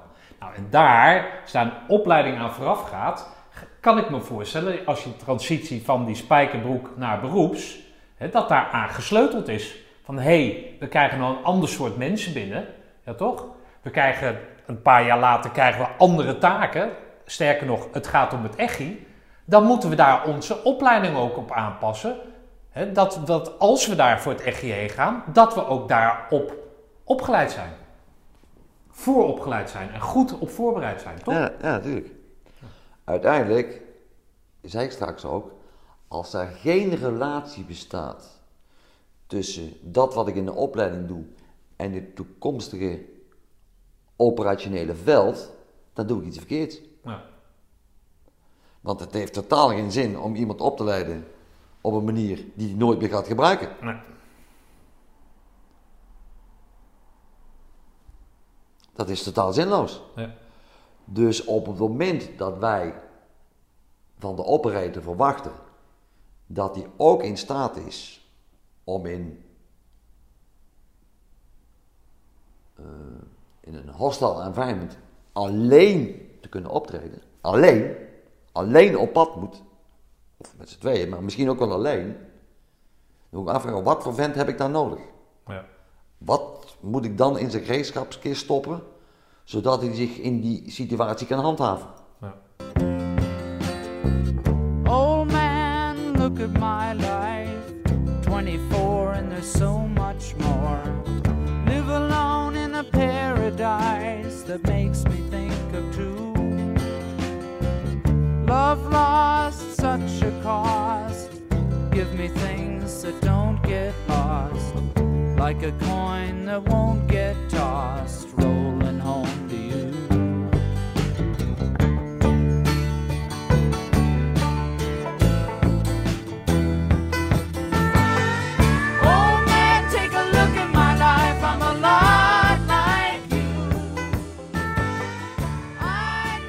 Bert, even terugkomend. We hebben even eh, een sigaretje gedaan. Ehm, over die commandoopleiding eh, tijdens die transitie. Hè? Dienstplichtig leger. Jij hebt alle, in allerlei functies heb jij die commandoopleiding gedaan. Of eh, instructeur ben je daar geweest. Dan komt een periode dat je naar het beroepsleger toe, toe gaat werken. Kan jij een beschrijving geven van hoe dat dan ging en dan specifiek op die commandoopleiding? Wat voor jongens kwamen daar binnen? Die diensttijd werd korter. Ja, we hebben natuurlijk een, een periode gehad dat er een hele korte, korte diensttijd was. Ik denk dat dat, dat, dat best voor iedereen eh, moeilijk was, hè, die, die, die, eh, die tussenfase. Voor het KST betekende dat dat de eerste echte operationele compie ontstond. Dat was de 108. Ja. En die kerels gingen hele andere dingen doen als die wij vroeger in, de- oude 104 waarneming verkenniscompie deden. Dus dat betekende voor de commandoopleiding misschien niet zoveel, maar wel voor de opleiding die daarna volgde. Want toen zijn we, want toen kwamen we erachter dat ehm, in de tijd van de 104 waarneming en verkenniscompie werd je eigenlijk in de commandoopleiding ook nog eens een keer voorbereid op je operationele taak in 104. ja. Dat was een lange afstandsverkenner. Wat er daarna gebeurde, was dat wat, wat nu heet de voortgezette commandoopleiding, waar die vaktechnisch werd opgeleid, zodat hij als operator in een operationele compie eh, kan functioneren. Dus als je ziet wat er nu gebeurt, na de commandoopleiding, wordt die kerel eerst nog een jaar, volg je nog een jaar lang een opleiding, voordat hij in, het, in de operationele compie terechtkomt. Ja, dat is natuurlijk een wereld van verschil. ja. Dat is natuurlijk Maar hoe ging je daar naartoe qua organisatie? Dus je neemt op een gegeven moment neem je af, hè, dus de, de diensttijd wordt korter. Maar dat gold natuurlijk niet. Die diensttijd werd korter met die plichtig, maar op het moment toen we overgingen naar eh beroepsbepaald BB, de BBT-contracten, Ja. waren dat al tweejaarlijkse contracten. Ja, maar wat voor mensen kreeg je binnen? Hoe die verschilden omdat ze geen burger Ja, waren ik- en nee, afzwaaiden? Ik denk dat, dat in de kern niet zoveel, niet zoveel verschilt. Er is, ondanks dat, we hadden straks over, eh, het is al 15 jaar geleden, in mentaal opzicht, in mentaal opzicht, hè, Ja. is denk ik de commando niet, de commando van nu niet anders dan de commando van 40 jaar geleden. Ik denk dat die hele grote overeenkomsten hebben namelijk. Alleen de omgeving waarin zich alles afspeelt, en dat is ook de fysieke omgeving, die is totaal anders. Ja. Maar, maar het mentale aspect is denk ik voor een groot deel in de commandoopleiding hetzelfde gebleven. Want uiteindelijk, En dan hebben we het over de ACO, hè, om even duidelijk te zeggen. ja, en, en, en, en, en een eventueel voortraject. Da, dat is in de kern niet zoveel anders. Oké. Dus qua intrinsieke motivatie, qua weet ik veel wat, het, het willen, daarin is niks veranderd. Nee, ik, nee, als je kijkt naar het werk wat, het, wat, wat een operator doet, is dat zo complex dat niemand anders dat kan? Nee. Maar betekent ook dat anderen dan wij dat kunnen om in de meest extreme omstandigheden en dan zeg ik nee. Dan niet. Als je. ehm, hoe laat ik het uitleggen? Je, kijk, je kunt elke zeggen wel wat, je kunt elke aap een kunstje leren. Je kunt iedereen uit een vliegtuig laten springen. Dat gebeurt bij sommige onderdelen ook. Maar kun je dat ook in een operationele omgeving? Kun je dat ook in een non-permissive area? Of in een hostile area? Staat voor. Hostile is, vijandelijk. Non-permissive is niet toegankelijk. Dus ik moet binnendringen in een gebied. Ik moet... Kun je dan ook? Kun je dan, ben je dan ook in staat dat onder spanning te doen? Kun je dat ook, kun je dat ook als je, en er zijn voorbeelden genoeg van op, operationeel gezien, kun je dat ook met heel weinig water en weinig eten en bloed heet? Nee, dan, dan moet je iets meer hebben dan, dan moet je duidelijk boven gemiddeld zitten, wil je het dan aan kunnen. Ja. En daarvoor, daar onderscheiden wij ons. En daarvoor hebben wij een opleiding nodig die selectief is. Die je aanspreekt op momenten dat, het, dat, het, dat de rest al naar huis is. Hè? Als de rest naar huis is, dan gaan wij nog door. Hè? Ja. En dat komt omdat dat omstandigheden zijn waar niet veel mensen mee, mee, mee, mee overweg kunnen. Oké. En dat onderscheidt ons met name. En dat vertaalt zich in die nieuwe opleiding in de jaren 2000. Ja, uiteindelijk is daar, en het is heel moeilijk om daar eh, hele duidelijke piketpalen te slaan. Hè, want eh, nee, ik weet nog precies dat het in augustus 99 eh, zijn we, hebben die stap gemaakt. Nee, dat, dat, die transitie, dat is, het gaat ook volgens de weg van de geleidelijkheid. Want je, uiteindelijk was het voor iedereen nieuw. Ja. En moest je gedurende de reis, eh, werd je wijzer. En elke En daar hebben jullie allemaal zelf moeten uitvinden, dus als korps zijnde. nou goed, er waren wel mensen die wat ervaring hadden met, de- met de, de Amerikaanse ODA's, met de Amerikaanse Special Forces. Ja. Ehm, er waren mensen in Amerika geweest. We hadden met de, in het verleden alles met de, we hadden contacten met de SAS, de Special Air Service in Engeland. Ja, die ervaringen die werden gebruikt om hier in Nederland dat langzaam op te bouwen. Oké. En, en, en, en als, je, als je kijkt in, in, in, in, in hoe relatief weinig tijd dat KST eigenlijk die, die transitie gedaan heeft naar, naar, naar het huidige SF-optreden, Ja. dat is, is eigenlijk een relatief, is eigenlijk relatief heel kort.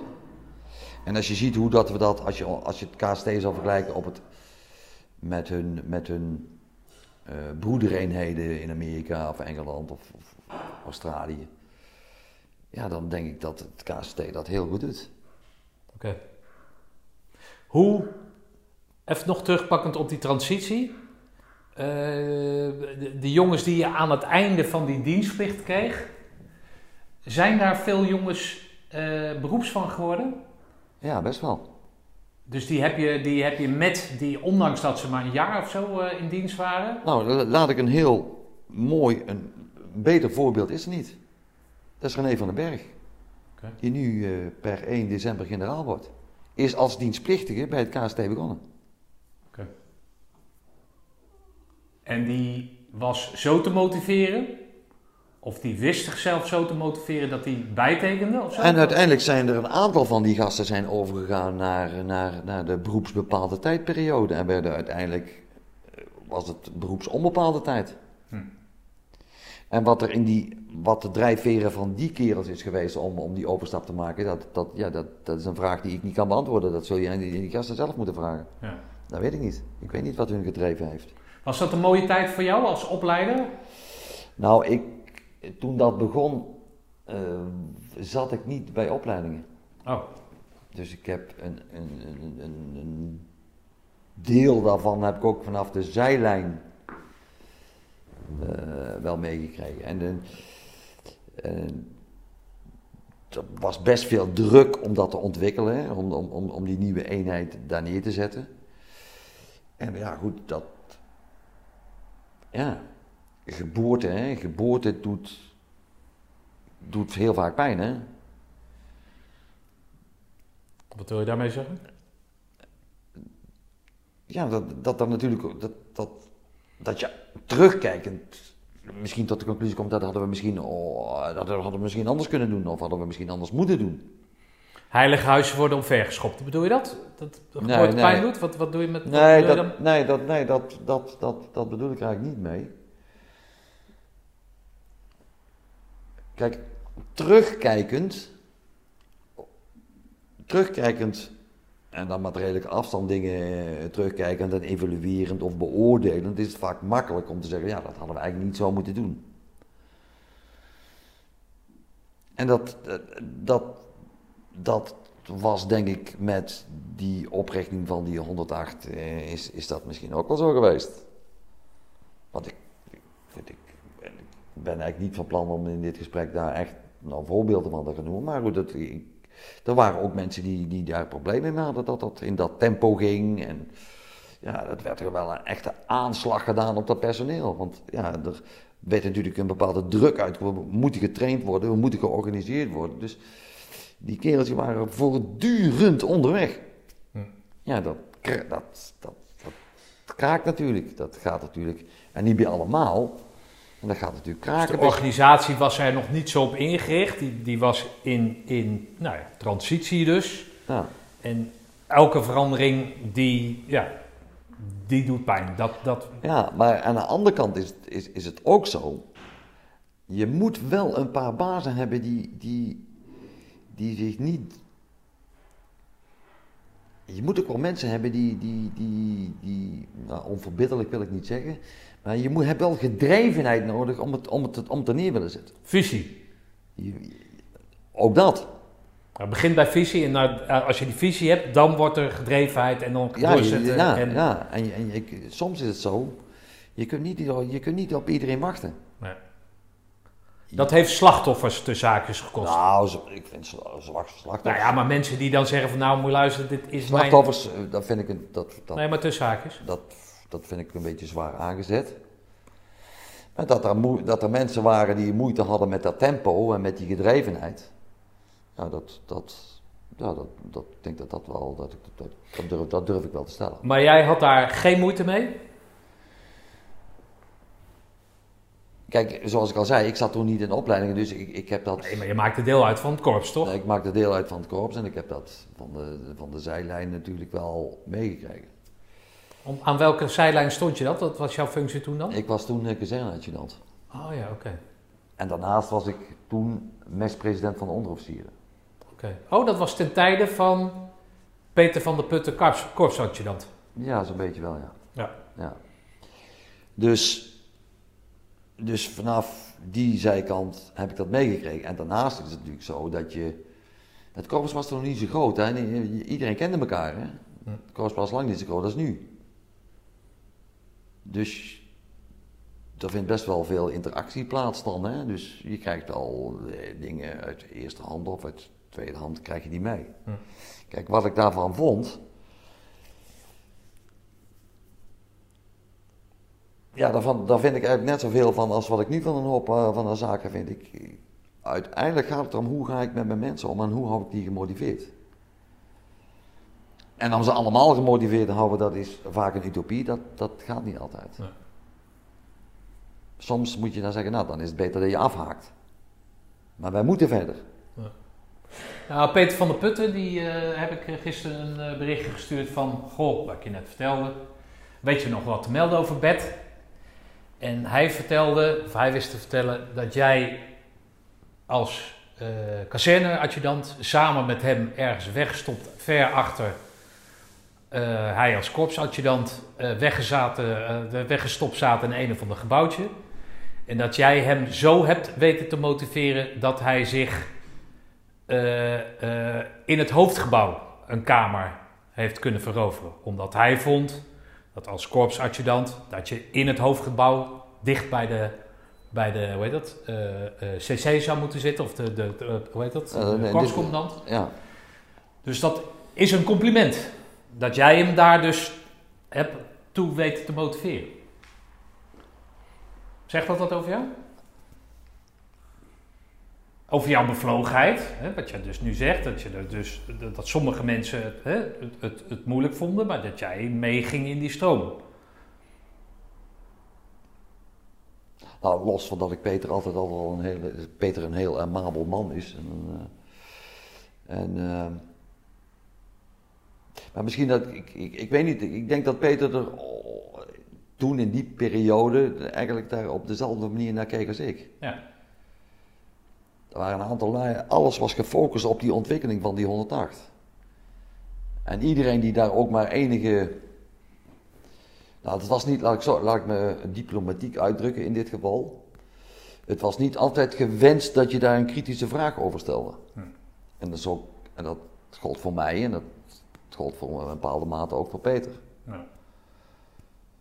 Dus ik vond dat hij als, als, als korpsadjudant als vertegenwoordiger van met name toen nog, zoals de korpsadjudant toen bekend was, vertegenwoordiger van de onderofficieren. Dat hij ehm, een, een prominente plek diende te hebben. Ja. Nou, dat heeft hij opgevolgd. Nou ja, goed. Daar bedankt hij je voor. Nou ja, dat, goed, dat graag gedaan, Peter.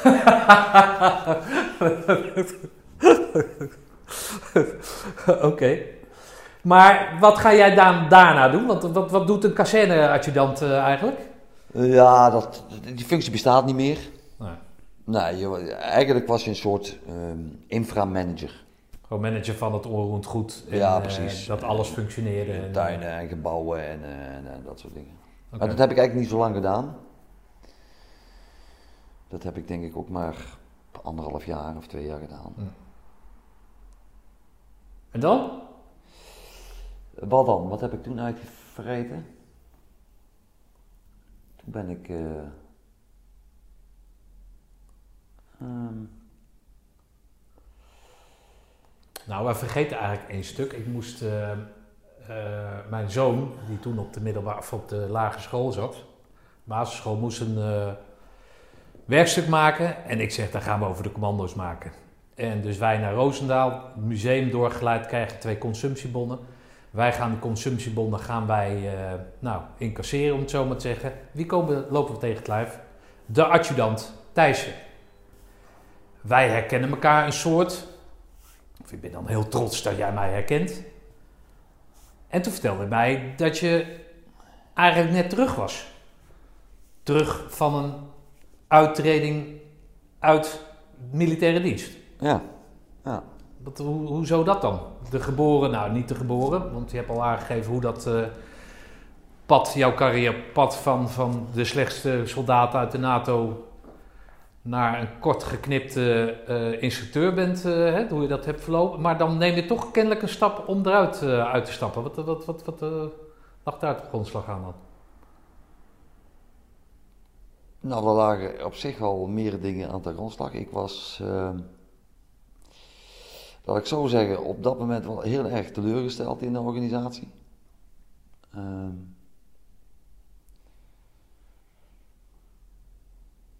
en toen,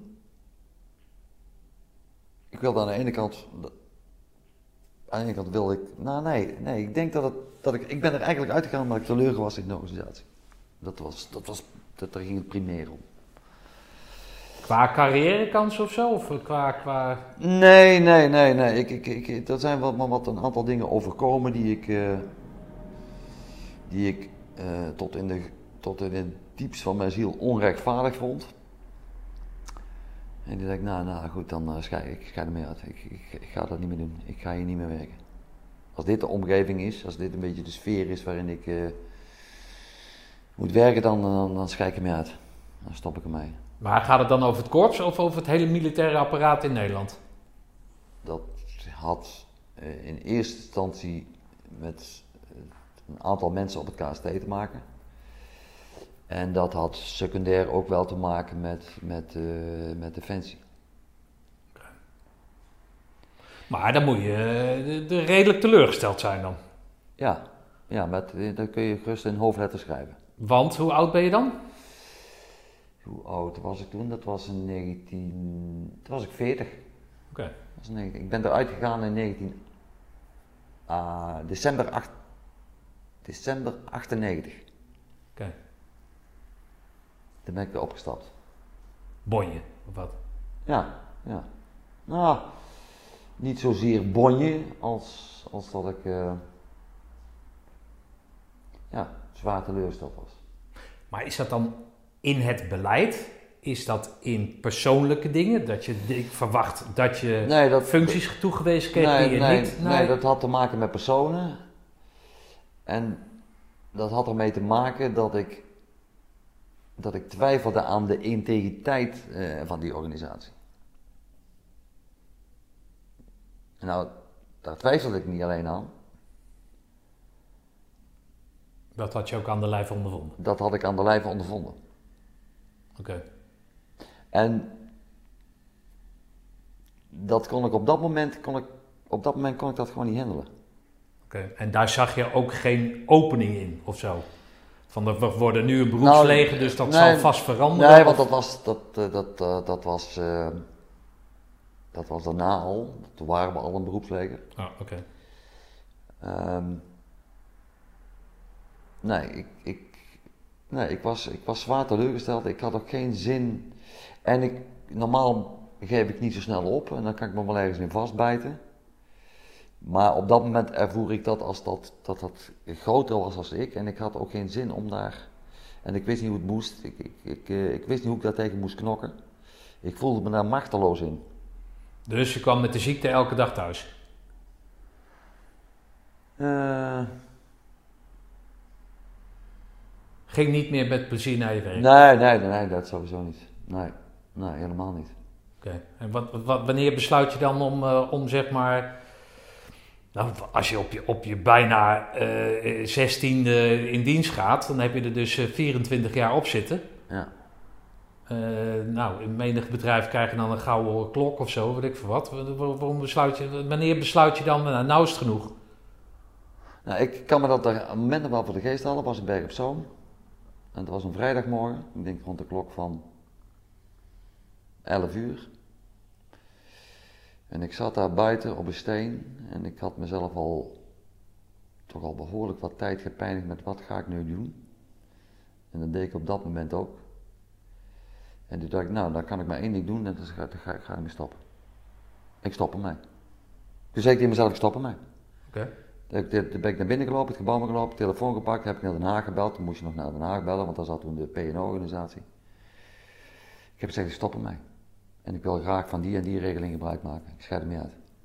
Oké. En dat wordt dan opgenomen door een telefoniste of krijg je dan nee, nee, iemand? dan krijg je iemand aan lijn.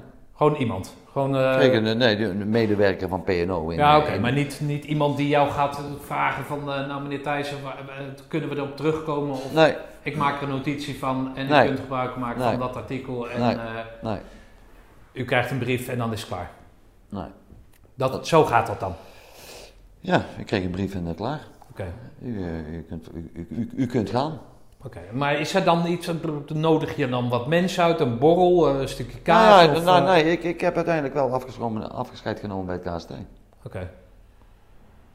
En dan vragen mensen zich af van, eh hey Bert, waarom? Of, eh, of, eh, Ehm, of was het eigenlijk al zo duidelijk dat je met de ziekte in je lijf liep, dat, dat iedereen het wel snapt of zo? Nou, ik, laat ik zo zeggen, dat afscheid dat staat me nog wel, eh, staat me nog wel helder voor de geest. Het was een heel mooi afscheid. Het was heel druk. Oké. Er waren heel veel. eh, ik stond er niet alleen afscheid te nemen. Oh, Echt, die kantine die was uh, vol. En, hoe bedoel je eh, alleen afscheid te nemen? Er waren zoveel mensen die afscheid van jou namen. Ja, ja, Ja, precies. oké. Dus. Ja, dat, dat, dat was dan alweer. Ja, dat was mooi. Dat was goed. En dan opgelucht of zo? Ik doe even de deur dicht. Ik zeg even tegen Siske. Siske, ik doe even die deur dicht. Vind je dat erg? Nee, ik, eh, ik dacht wel dat ik te veel lawaai maakte. Nee. Nee, ja, nou, nee, opgelucht, op, opgelucht, weet, ja, aan de ene kant opgelucht, aan de andere kant, ja, oké, wat ga ik nou doen? Want Oh, is- je had geen eh, plan B? Nee, Oh, ik dacht dat een uh, Thijs altijd een plan B had. ik had geen plan B. Ah, oké. Ik had totaal geen plan B. En jouw vrouw vroeg niet naar plan A of B of die... Nee. Prima, dan ga lekker bij mij thuis zitten, Jochie. en dan, Nee, eh, nee, dat heb ik niet gedaan. Want mijn vrouw werkte toen nog, dus daar had ik sowieso geen last van. Die had daar geen last van dat ik, eh, dat ik, dat ik thuis zat. Dus die werkte gewoon nog. Nee, uiteindelijk ben ik toen in een, in een eh, dat heette toen het SBK, het Sociaal Beleidskader. Dat voor personeel die, die de dienst ging verlaten, die kwam daarin. En toen heb ik in eerste instantie eh, heb ik zo'n beroepskeuzetest gemaakt. En eh, uiteindelijk denk ik, weet je wat ik doe? Ik ga gewoon alles doen wat ik nooit gedaan heb. Dus als me iets... Ja, maar luister. Maar dan heb jij dus, maar kan je geen gebruik maken van, van vangnetten die er in Nederland zijn voor dat soort dingen, omdat je zelf afscheid hebt genomen.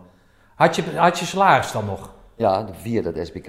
Oh, dat is, dat is gewoon. En via oh, dat- oh, je zo'n regeling natuurlijk. Ja, Via het SBK had ik een regeling dat ik zo lang eh, salaris krijg. Oké. Mag ik vragen hoe lang dat was dan? Om even de tijdspannen aan te geven waarin je dus iets nieuws Ja, moet dat, zoeken? dat SBK staat, daar staat twee jaar. Oh, oké. Dus je had En- wel even... En als je een baan krijgt en je verdient niet het salaris wat je kreeg bij Defensie, dan krijg je loonsuppletie. Dan vulden ze dat aan tot je laatst verdiende ja, salaris. ja, oké. Dus in het begin heb ik van alles gedaan. Ik heb eh, op de markt gestaan, ik heb mee eh, winkels eh ingericht. Oh, eh, ik ben opperman geweest in de bouw. Eh, ehm, en uiteindelijk ben ik toen gaan werken bij de zeer beruchte Rijksinrichting Den Eng. Oké, in Zeist. Nee, die hadden een dependance in Ossendrecht. Oké.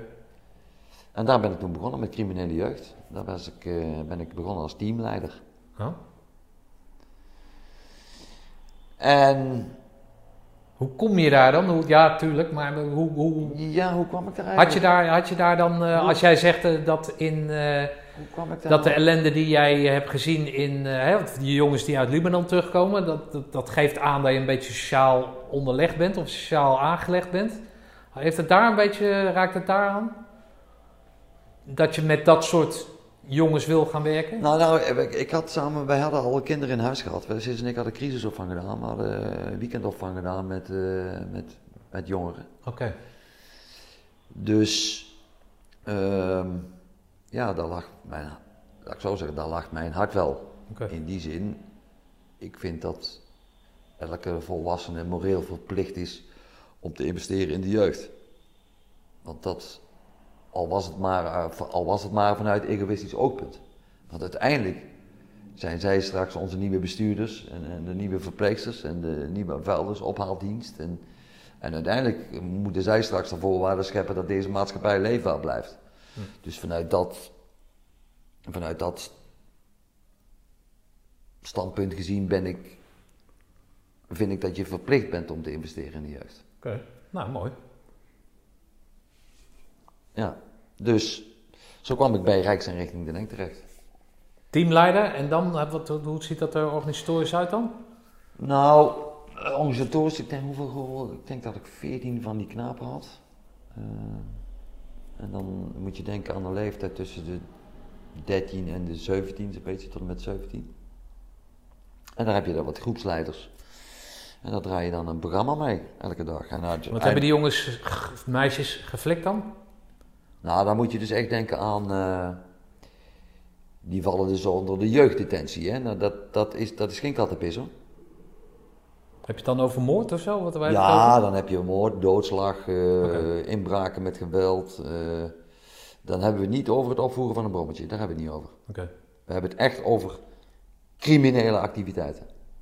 Mishandeling, poging tot moord, poging tot, poging tot doodslag. Echt, eh, dat is echt luguber. oké. En ehm, En dat zie jij dus ook als investeren in de jeugd dan? ja, dat is ook jeugd, hè? Nee, uiteraard, maar dat vraag ik. Dat is ook jeugd. Ehm, en die werkte dan volgens een bepaalde methodiek, dat heet dan de, de, heette de, de socio-groepstrategie. En daar had ik een beetje moeite mee met die strategie. Ik geloofde daar niet, ja, ik geloofde wel in die socio-groepstrategie, maar, maar niet tot in extreem. Daar geloofde ik niet in. De kern van, van de socio-groepstrategie betekent dat de groep het individu, dat de groep het individu beïnvloedt. En dan liefst positief. Ja, oké. Omdat dat een leeftijd is waarbij de sociale relatie een grote rol speelt. En dan is het met name de leeftijd dat jongeren ergens bij willen horen. Dus als je dan een positieve groep hebt, is de groep dus in staat om het negatieve individu te beïnvloeden. Dus gesimplificeerd, maar wel de kern van de gedachte achter social groepstrategie. Dat is een theoretisch een mooi verhaal. In de praktijk is dat niet zo, is dat niet zo eh, altijd eenvoudig uit te voeren. En ik had daar mijn bedenkingen bij.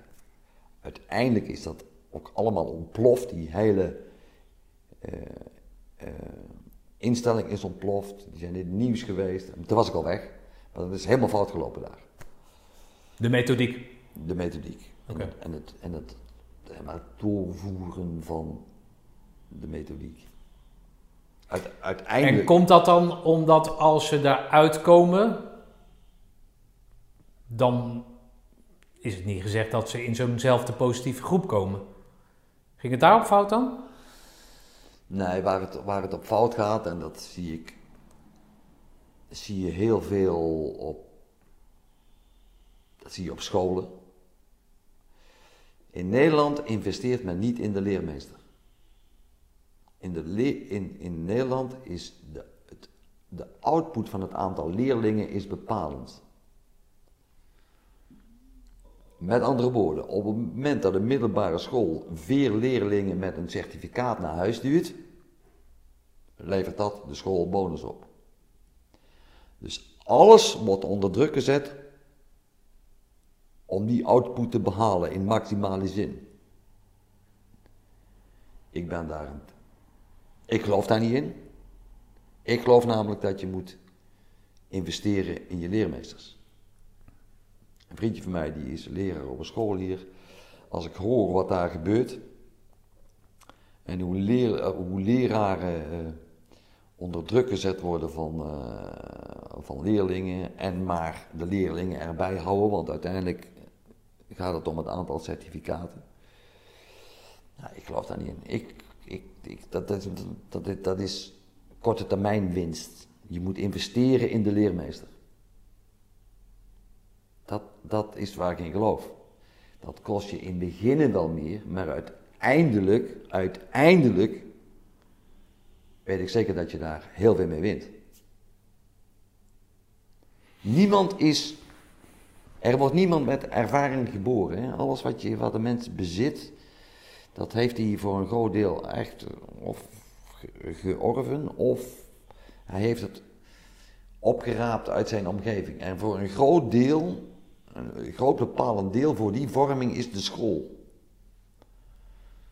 Als je kijkt hoeveel tijd een kind doorbrengt van zijn vierde jaar af tot zijn achttiende, wie zijn dan het beste in staat en hebben de meeste tijd om dat kind te beïnvloeden in positieve zin, om dat kind te vormen? Dat is de school. Daar lopen, dat zijn de leermeesters. Voor het grootste deel. Dan getuigt mij niet echt van visie als je dan niet in die leermeester investeert.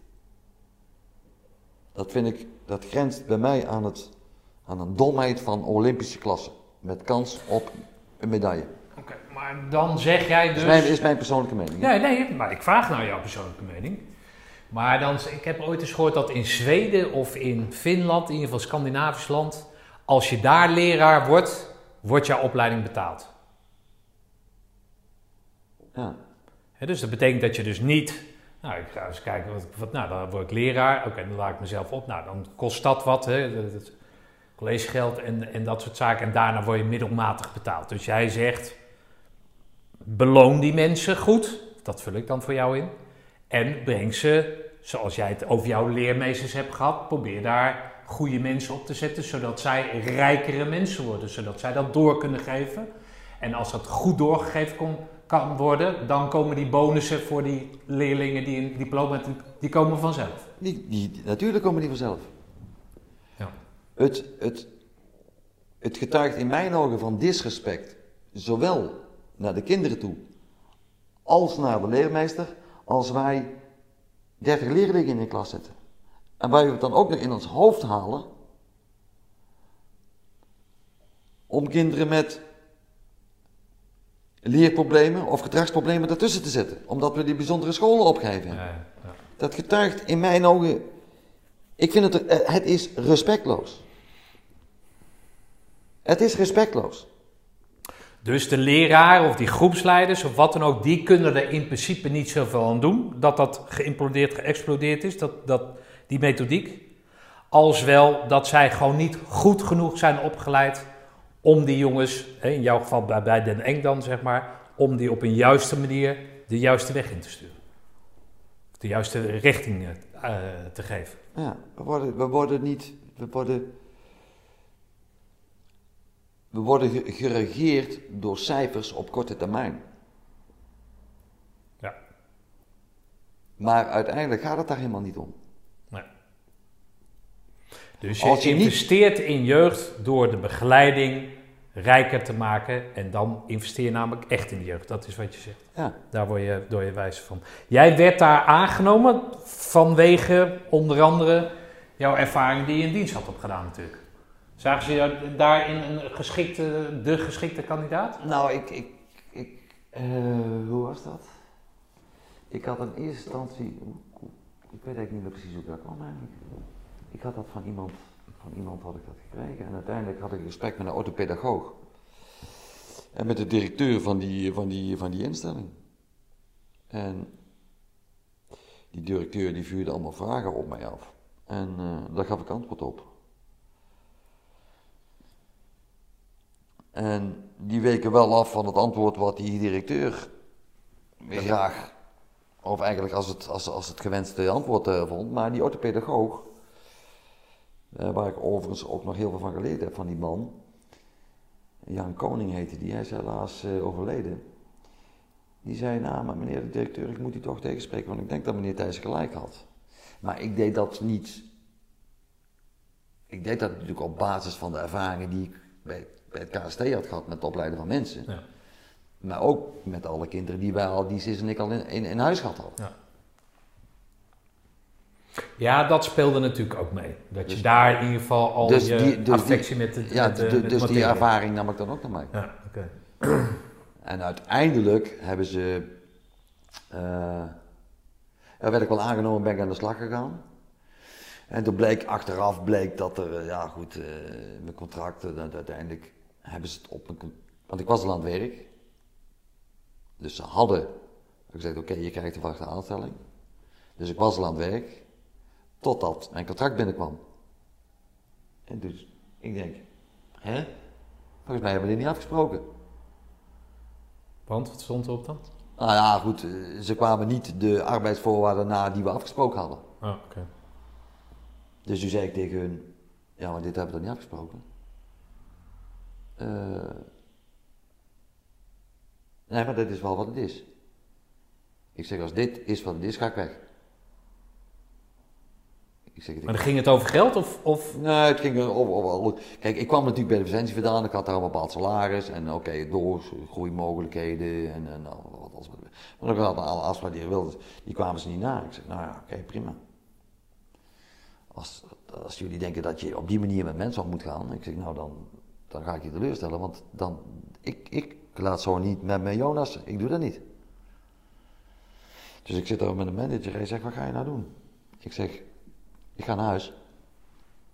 Hij zegt, nou, hoe, hoezo? En eh, die groep dan? Ik zeg, ik ga naar huis. Ik heb er één verzoek aan jou. Dat ik even met mijn groepswerkers wil praten en zeggen waarom ik wegga. Ik zeg, en daarna kom ik hier bij jou, dan heb ik telefoon en sleutel en ga ik naar huis. Hij zegt, dat meen je niet. Dat heb ik nog nooit meegemaakt. Ik zeg, goed opletten, dan ga je het voor de eerste keer meemaken. Zo gezegd, zo gedaan. Toen ben ik in de auto gestapt en ben ik naar huis gegaan. Klaar. En uiteindelijk ben ik toen weer via via in Frankrijk terechtgekomen. En daarna ben ik naar Frankrijk gegaan, naar het jeugdproject in Frankrijk. Oké, maar dat was niet van dezelfde organisatie. Nee. Maar het was wel hetzelfde werk, zeg maar. Nou, nou niet hetzelfde werk, nee. Nee. Nee, maar ook met kinderen. Maar, maar wel met kinderen, Jongere kinderen heb je verteld. ja. Eh, maar ook in het traject waarin je kinderen eh, weg, een nieuwe weg probeert in te... eh, richting te geven in ieder geval. Ja, ja, Oké, dus dan ga je naar Frankrijk, pak je hier je boeltje op. ja. Eh, met Siske, die hebben we eigenlijk eh, eh, Ja, precies. helemaal niet besproken Nou, of zo. Maar goed, het ik schijnt zal- erbij te horen bij... Kijk uit, kijk uit. Laat ik, laat ik, laat ik eerlijk zijn, ik, ik, ik zet SIS eigenlijk een beetje voor het blok. Niet netjes, hè, dat hoor je, hoor, je, hoor je officieel ook niet te doen. Nee. Maar dat gebeurde eigenlijk wel. Ik zei, ja SIS, ik ga naar Frankrijk, ik, daar- ik wil dat werk gaan, ik wil, ik, wil- ik, wil dat werk, ik wil dat werk gaan doen. Ga je mee? En als ze niet meegegaan was, had ik het huis niet verkocht en dan had ik dat op een andere manier ingevuld. En ze zei, ja, ja oké, ja, oké, prima. Ja, ik heb ook niet veel, niet keuze, zei ze. Oké. Ik zei, nee, dat heb ik niet, want ik ga. Maar zij heeft nooit de keuze? Of, of eh, leidde de adjudant altijd alles hier thuis? Of eh, wat is er toch ook wel enige inspraak van, eh, van je wederhelft? Nou, Sis en ik zijn al eh 40 jaar bij elkaar, Ja. Zo'n beetje.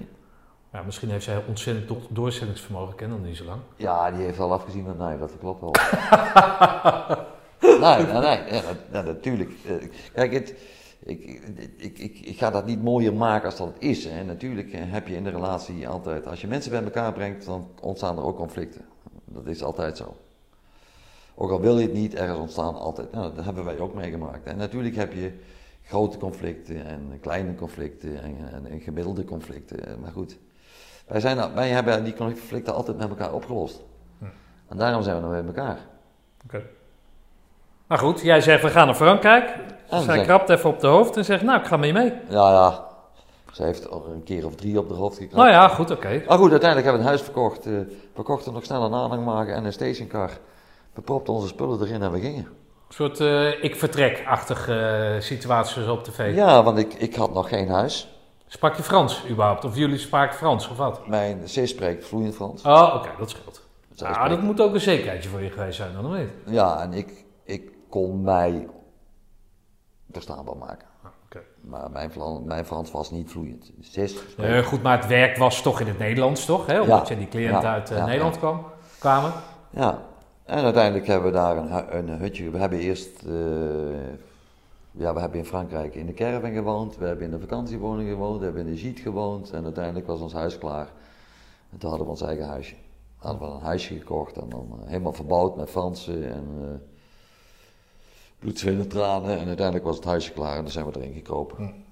Prachtig huisje overigens, geweldig, geweldig. Prachtig huis, echt, Niet groot, maar wel een heel mooi Ja, ik ga vragen waar het is. Ik ken Hecht nog steeds in Frankrijk, maar waar was het? Het was in het hart van Frankrijk, Ja. in de Corrèze. Zeg me niks, maar hoe lang Corrèze- rijden is dat vanaf hier? Dat is duizend kilometer vanaf hier. Ja, Oké. Dus je sneed eigenlijk ook je sociale, of jullie sociale leven sneed je hier een beetje af. Ja. Ik weet nog eh, hoe dat we afscheid genomen hebben hier. Ehm, dat was wel mooi, dat was bijzonder. Ehm, eh, want ik deed toen nog best wel veel voor de rugbyclub. En eh, toen hebben we in de kantine van de rugbyclub hebben we afscheid genomen van mijn vrienden en bekenden. En toen hebben we ingepakt en zijn we gaan rijden. Oké. En toen zijn we daar ons leven begonnen. En eh, Siske heette daar Françoise. En ik heette Bertrand. Oké. ja. En hoe val je daar dan? Is het een groot dorp waar jullie zaten? Of, eh, of, of, of- Wat? een groot dorp? Of, of, Nee, nee, helemaal niet. De, de- de gemeente had 142 inwoners oh, oké. in zijn geheel. En dat was dan opgedeeld in allemaal gehugjes of clustertjes van huizen. Oké. En wij woonden dan in, in, in het dorp zelf, in Le Boer. En dat- ik denk dat daar toen 30 mensen woonden of zo. Oké. Maar ga je dan biertje drinken, handjes geven, weet ik veel wat? Of, eh, Nee, nee, dat gaat eigenlijk dat, dat gaat vanzelf. Als je een vrouw hebt zoals ze is, die maakt heel makkelijk contact met iedereen. En die sjouwt daar een beetje door het dorp en die kletst met iedereen. En eh, dan gaat dat vanzelf. Oké. Want ik, ik, ik moet zeggen dat ik, ehm, ik werkte op een jeugdproject en ik was drie of vier dagen volledig van huis af. Dan zat zij ook nog alleen. En dan kwam ik thuis en in eerste instantie was ons huis niet klaar, dus dan ging, was ik thuis drie dagen aan het klussen. En dan ging ik, als ik Ah. geklust had, ging ik weer vier dagen naar, eh, naar die kinderen. En dan ging ik weer drie dagen. Dus zo, zo kwam ik aan de Franse bijnaam Bertrand Boulot. En dat staat voor? Au boulot is aan het werk. Ah. En Bertrand Boulot is Bertrand die altijd aan het werk is. dus ik, Oké. die, die, lui zagen mij niet anders dan in een kluspak. Ik was altijd aan het... Ja, goed, ik moest dat... Maakte een, mat, een beetje matte indruk toen de tijd. Wie? Jij. Qua druk, die daar dan op je lag. Ja, ik, ik, had het wel... Het was wel een eh, pittige tijd. Ja, oké. Pittig, maar hard werken. Maar goed, jullie vinden daar dus je... Ja, Hè? ja. Tot, tot... Ja, goed, dat huis zag er mooi uit. En dat is echt een sfeervol huis. En, eh, prima. En we hadden wat vrienden en kennissen in, eh, in de buurt. En eh, we hadden ons sociale leven. En uiteindelijk kreeg ik een, eh, conflict met, met de stichting waarvoor ik werkte. Hm. Ja, toen was het, eh, ehm, in ieder geval in de relatie tot mijn werk, was het feest wel zwaar voorbij, ja. Dat, was, wel, dat, was, dat was echt een, dat was een pittige tijd. Dat was pittig. Oké. hey, maar Nee, dat was een voor. Sis is dat dan wel...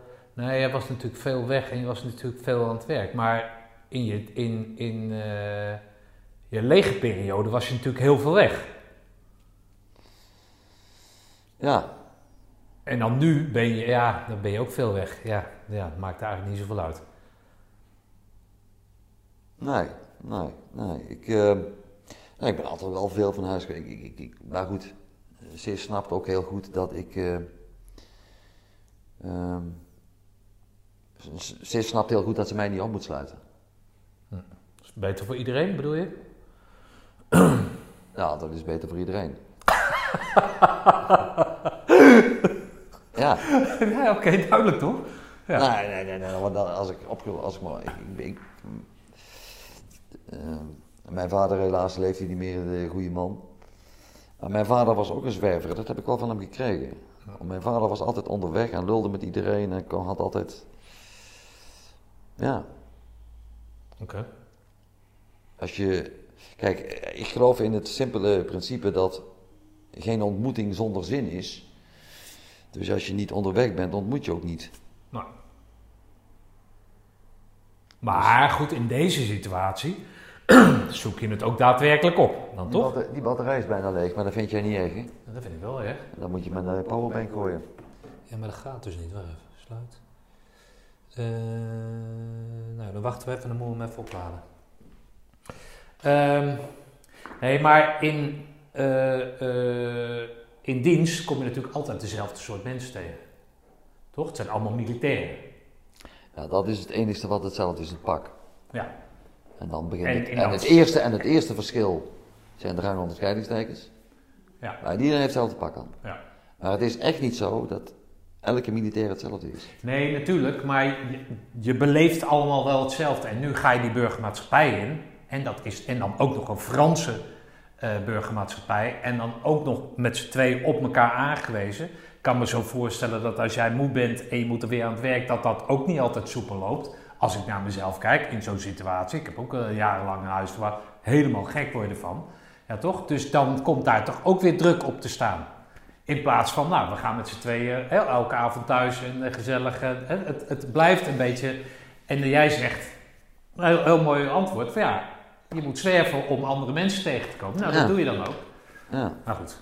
Nee, maar goed, daar zijn Sis en ik eigenlijk best wel. Kijk, in die, in die tijd dat, die, dat ik een rechtszaak, in een rechtszaak eh, terecht kwam, werd het mentaal moeilijk. Maar in de relatief korte periode dat wij daar woonden, had Sis ter plekke helemaal veroverd. Ja. Want Sis was voorzitter van de dorpsvereniging, ging bloemschikcursussen geven, ging gymnastieken met die oude dames, organiseerde mede schilderen voor de jeugd. Ehm, had een bijnaam Le Petit Hollandaise, want iedereen kende haar daar in die buurt. Nou, dat weet ik dan nog wel te vertalen. Dus, nee, nee, nee, kijk, dat het anders gelopen is als wij gedacht hadden, ja oké, dat is... Ja, maar dat moet voor haar dus vervelend zijn geweest. Als zij daar zo ingebed is in dat, in dat leven. Ja, ja, het was, ja, goed, het was voor ons alle twee eh, vervelend. Ehm, Oké, maar jij komt daar dus niet uit. Uit de, de, de ruzie die je daar krijgt. nee, ik kwam er niet uit, nee. Oké, en dan besluit je. Nou, dat, dat werd een rechtszaak. Oké. En ehm, die, die eh, uiteindelijk eh, stonden we in Rotterdam voor de rechter. En wat komt eruit dan?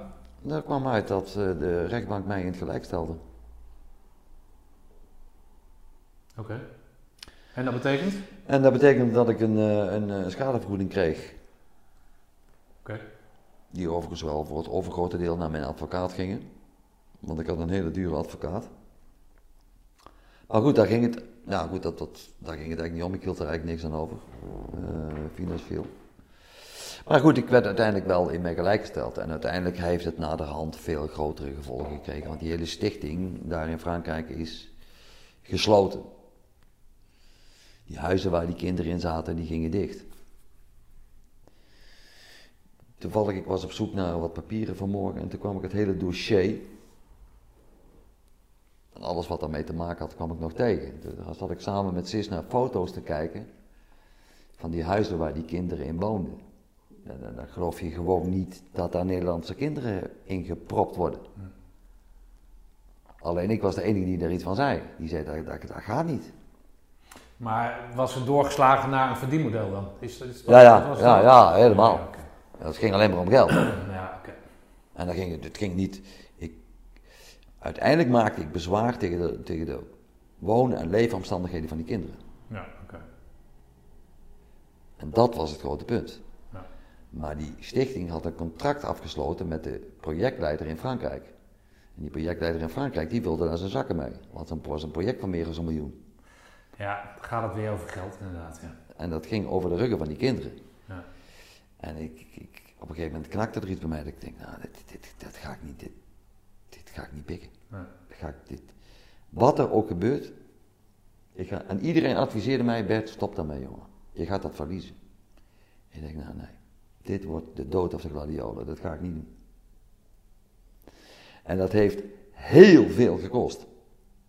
Dat, daar heb ik heel veel van geleden. Maar ik denk, daar, daar ga ik niet opgeven. Wat er ook gebeurt, ik geef het niet op. Heeft jou persoonlijk veel gekost? Of heeft Ja. het de maatschappij veel gekost? Dat heeft, nou, nee, dat heeft mij persoonlijk veel gekost. Want ik, ik had met collega's te maken die natuurlijk hetzelfde zagen als wat ik zag. Ja, alleen die hielden vanwege hun centen, hielden ze... En omdat ze daar woonden, ja. zei ja Bert, je hebt gelijk, maar ik heb gewoon niet meer vrouw en kinderen. Ja. En ik steun je niet. Die vent heb ik nog wel eens getroffen, getroffen achteraf. Ik zei, ja natuurlijk had jij gelijk, zei hij. Natuurlijk had jij gelijk. Ja, jammer is dat dan, hè? Of niet? Nee, maar sommige, soms, Ja, wel, wel begrijpelijk in sommige gevallen. Ja, maar soms overkomen je dingen die... eh,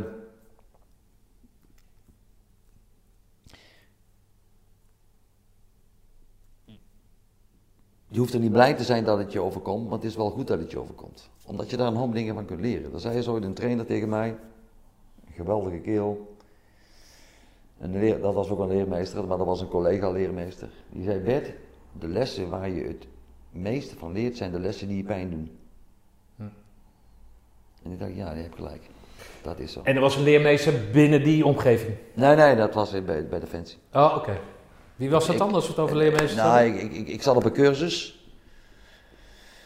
En hij zat daar ook op die cursus. Maar van origine was, was hij trainer binnen de marine. Maar hij zat op een cursus, net zoals ik daar zat. Omdat het had te maken met een bevordering tot stafadjudant. Hm. En die moeten, moesten allemaal tertiaire vorming, die moesten we volgen. En dat, dat was dat. En die vent die zat naast mij. En daar heb ik veel van geleerd van die kerel. Dat was een mooie vent. Hoe heette die? Dat weet ik niet meer. Ja, godverdomme Bert, kom op nou. Voor het verhaal is dat toch dodelijk? Ja, dan Noem een naam. Dan geef ik Eh, Hendrik. hij, heette, hij heette Hendrik. Hendrik Ja, V. Ja, dat was, dat, dat was, dat was, een, was, een, was een vent van de marine. En verbaasde mij die marinelui sowieso. Dat vond ik wel verbazend, die kerels. Hoe betrokken die waren bij, bij die vloot. Dat waren vlootjongens, Ja, hè, dus waren geen mariniers. Het waren vlootjongens, hoe, hoe trots en hoe betrokken die waren bij die vloot. Dat, was, dat vond ik echt dat vond ik bijzonder. Dat vond ik ook heel mooi om te zien. Hm. Hij, hij die vent dat ook, dat was ook geweldig. Die had ook voetbalhumor en dat was echt een, mooi, was een mooie gast. Prima vent was dat. Nou, mocht u luisteren, Bert heeft veel van u opgestoken. Hij is alleen even je naam kwijt. Denk, Ja, nee, maar het- daar gaat het wel om natuurlijk. Ja, en, en, maar eh, dit is dan de derde keer dat je tegen zoiets aanloopt. Waar mensen over jouw grenzen heen gaan, ja, toch? ja.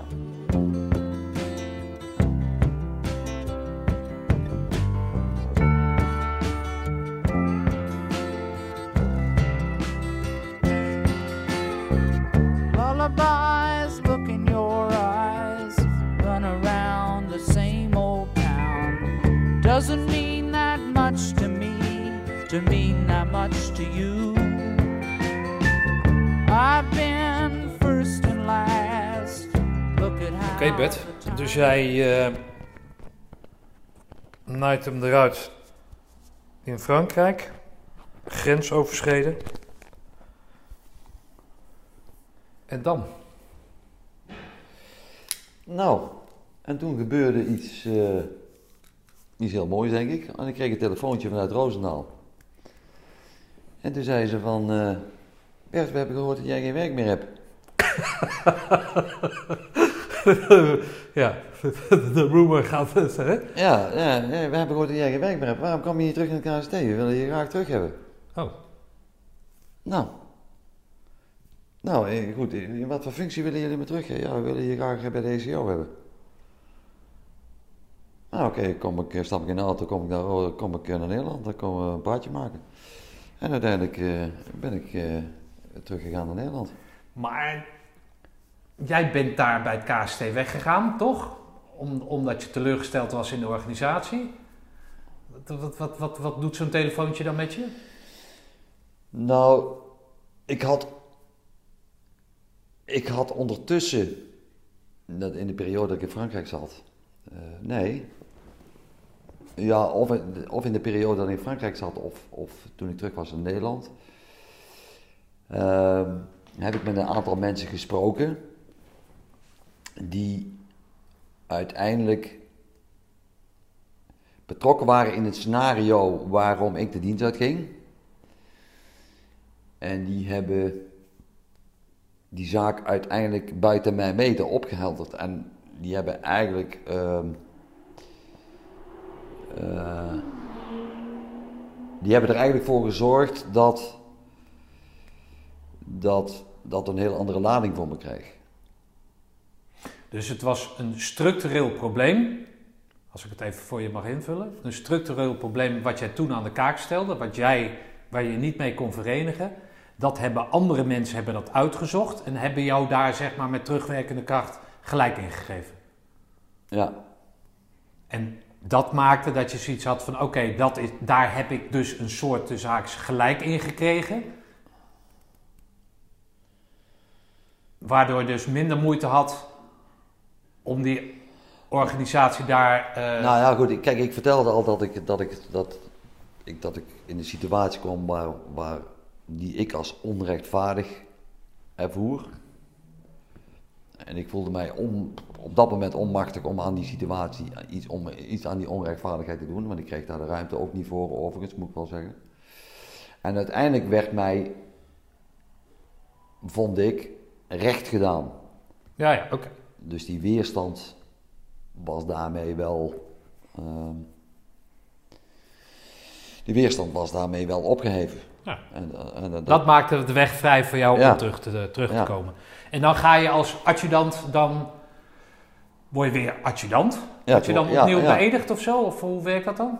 Nou, ik, die, ik ben toen wel beëdigd. En niet opnieuw beëdigd, want ik was nog niet beëdigd. Dus ik ben toen wel beëdigd toen ik terug ben gegaan bij Defensie, op mijn eigen verzoek overigens. Oké, Dus toen heb ik de eet afgelegd. oké. En dan draai je ECO. En toen ben ik weer geplaatst bij, toen ben ik geplaatst bij de ECO. Oké. Oude jongens krentenboot, Ehm, ja. beroep- beroepsleger, toch? Nou, dat ging eigenlijk eh, heel, heel vloeiend, moet ik zeggen. Oké. Ja. Hey Bert, ben je weer?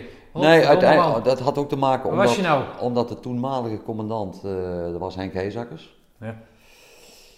Eh, daar had ik altijd al een goede band mee gehad.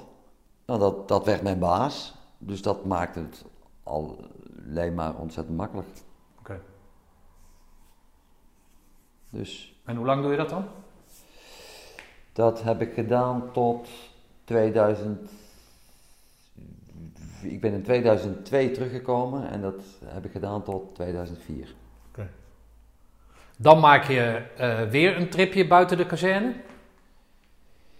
Nee, want ik ben na 2004 ben ik, eh, heb ik een aantal functies gehad bij het KST. Eh op IZ be- heb ik bij operatie gezeten. En ben ik de schooladjudant geworden van de opleidings- en trainingscompie. En daarna ben ik naar de KMS gegaan in Weert om daar pelotonscommandant te worden van een opleidingspeloton. Oké. In die daarna- periode voorafgaand aan die KMS, Ga je dan al op uitzending? Ga jij ook op uitzending? Of, of... Ik ben in die, voordat ik naar de KMS ging, ben ik nog wel twee keer op uitzending. Ben ik twee keer in Afghanistan geweest. Oké.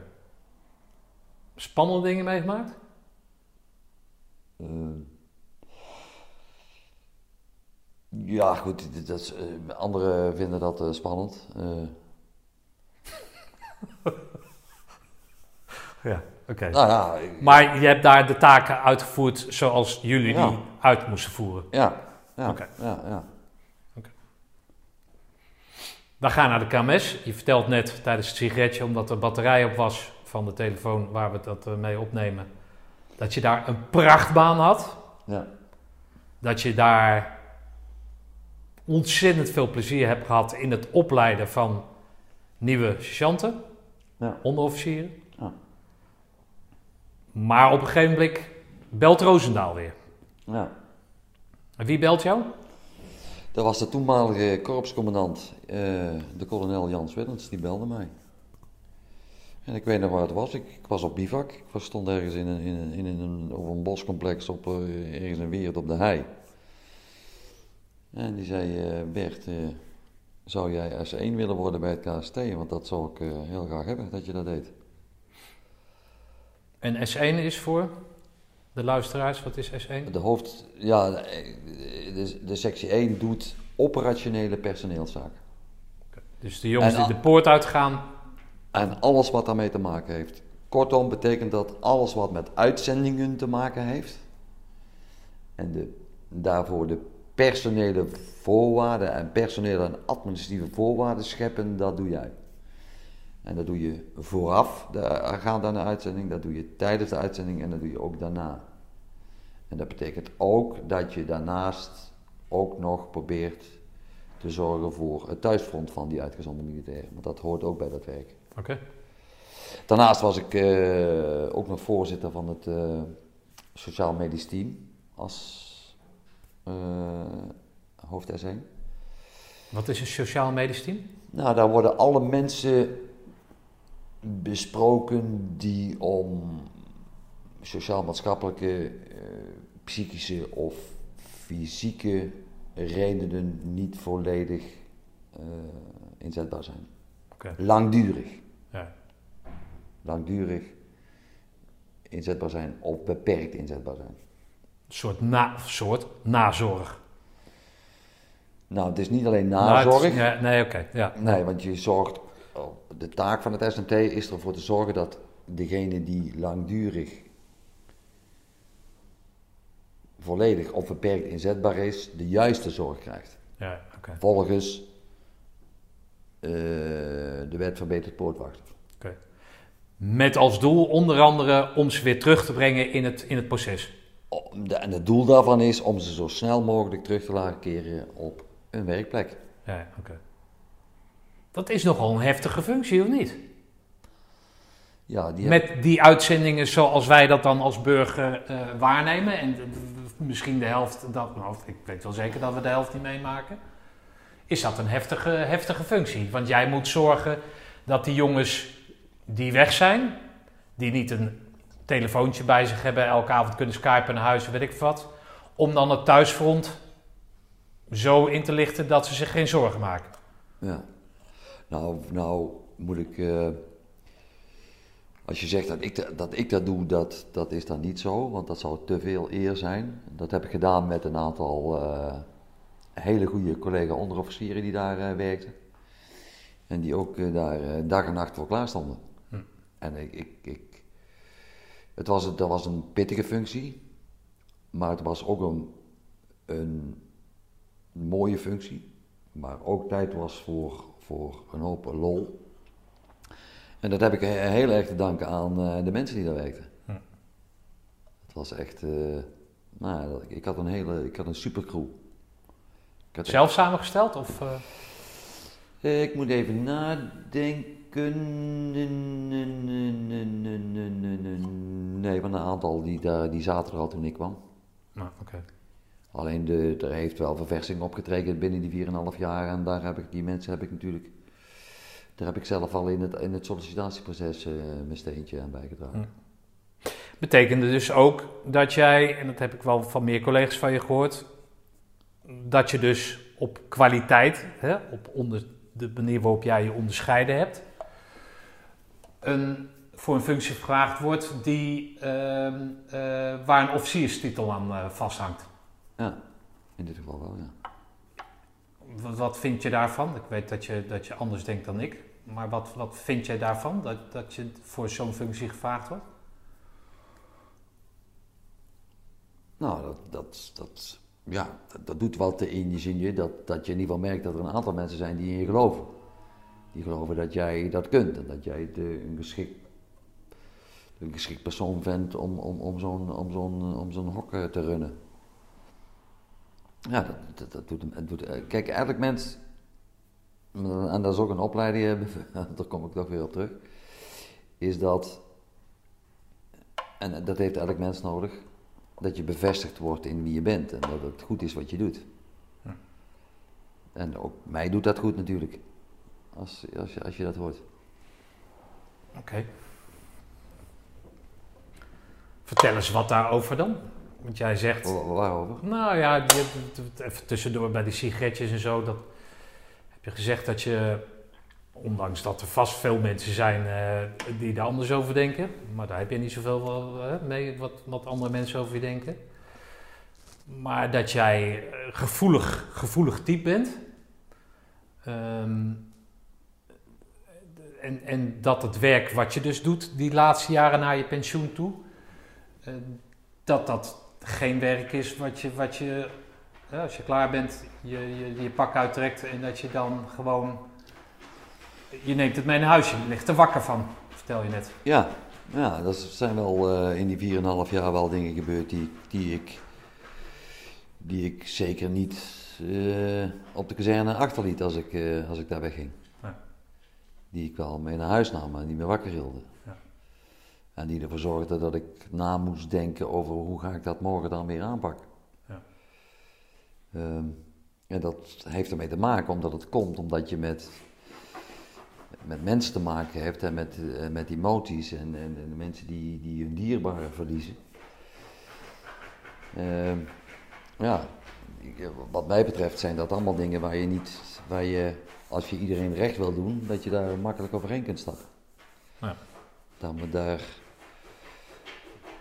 daar dien je ook vanuit professionele zin heel, heel zorgvuldig in te zijn. Ja. En, ik- en, en ik, ik, ik, ik hoop eh, dat ik dat altijd geweest ben. En Benkie is even een gat aan het graven. Binky, schijt daar eens mee uit, kerel. God, die hond die springt in de houding, het is ongelooflijk. Ja, ja. Nog steeds, hè? Ja, maar hij tilt zijn voeten niet goed op. Dus, eh, Binky. Eens mee uit, ventje. Nee, maar goed, waar, waar het dus om gaat, dat, dat maakt mij, mij, wel, eh, mij wel indruk. Kijk, als, je, als, je, als er geen uitzendingen zijn, dan kan je natuurlijk, eh, kan je natuurlijk verantwoordelijk zijn voor hetgeen waar je verantwoordelijk voor bent. Maar met die vele uitzendingen die jullie hebben, is er kans dat er mensen sneuvelen. Ja.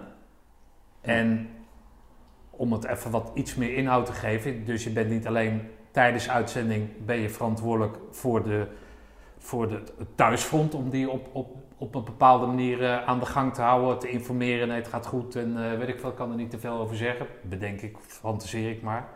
Maar als er dus daadwerkelijk slachtoffers vallen, is het dus jouw taak om dat vanuit het korps op de juiste manier te begeleiden.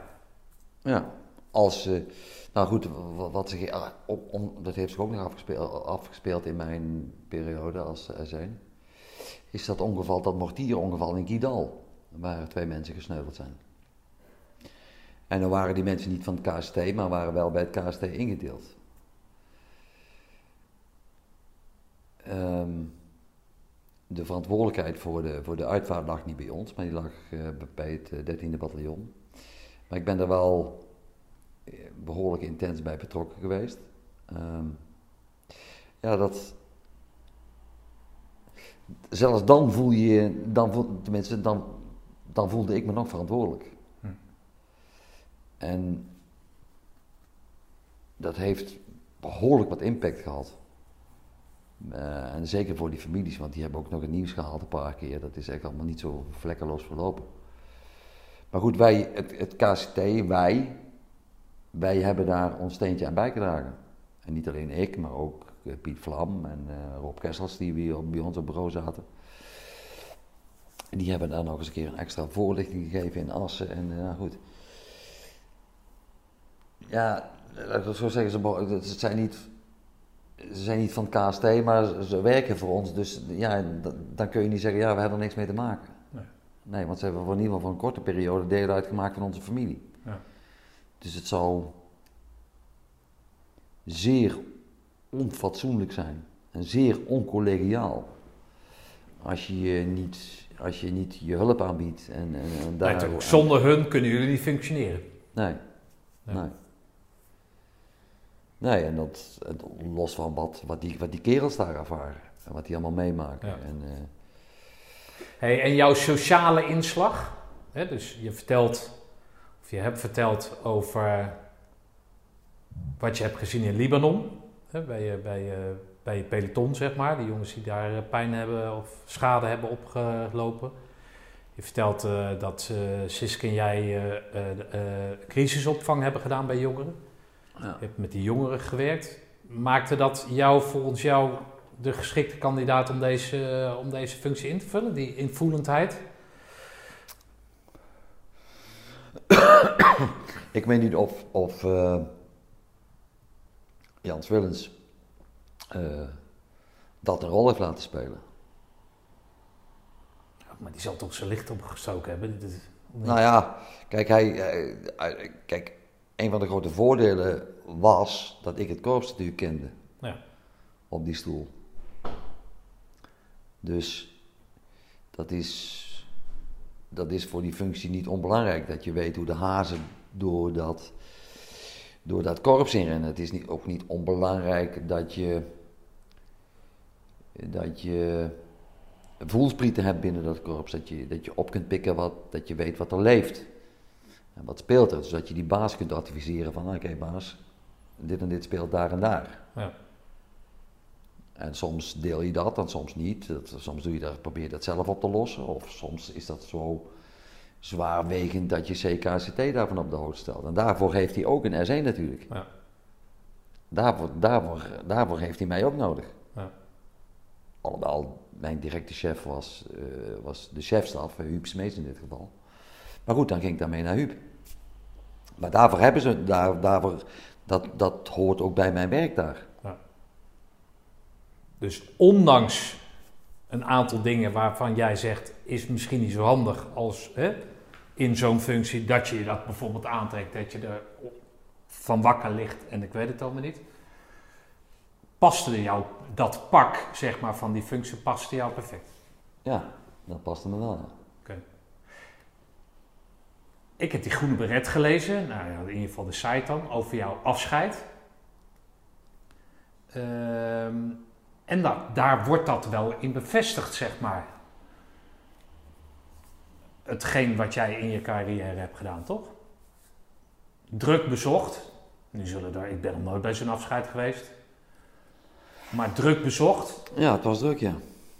Eh, eh, veel mensen uit, uit nou ja, dat, we hebben het al eerder gehad, het peloton van jou, hè, dus waar je eh, als pelotonsergeant was. Ja, vele anekdotes, Siske erbij uiteraard. ja.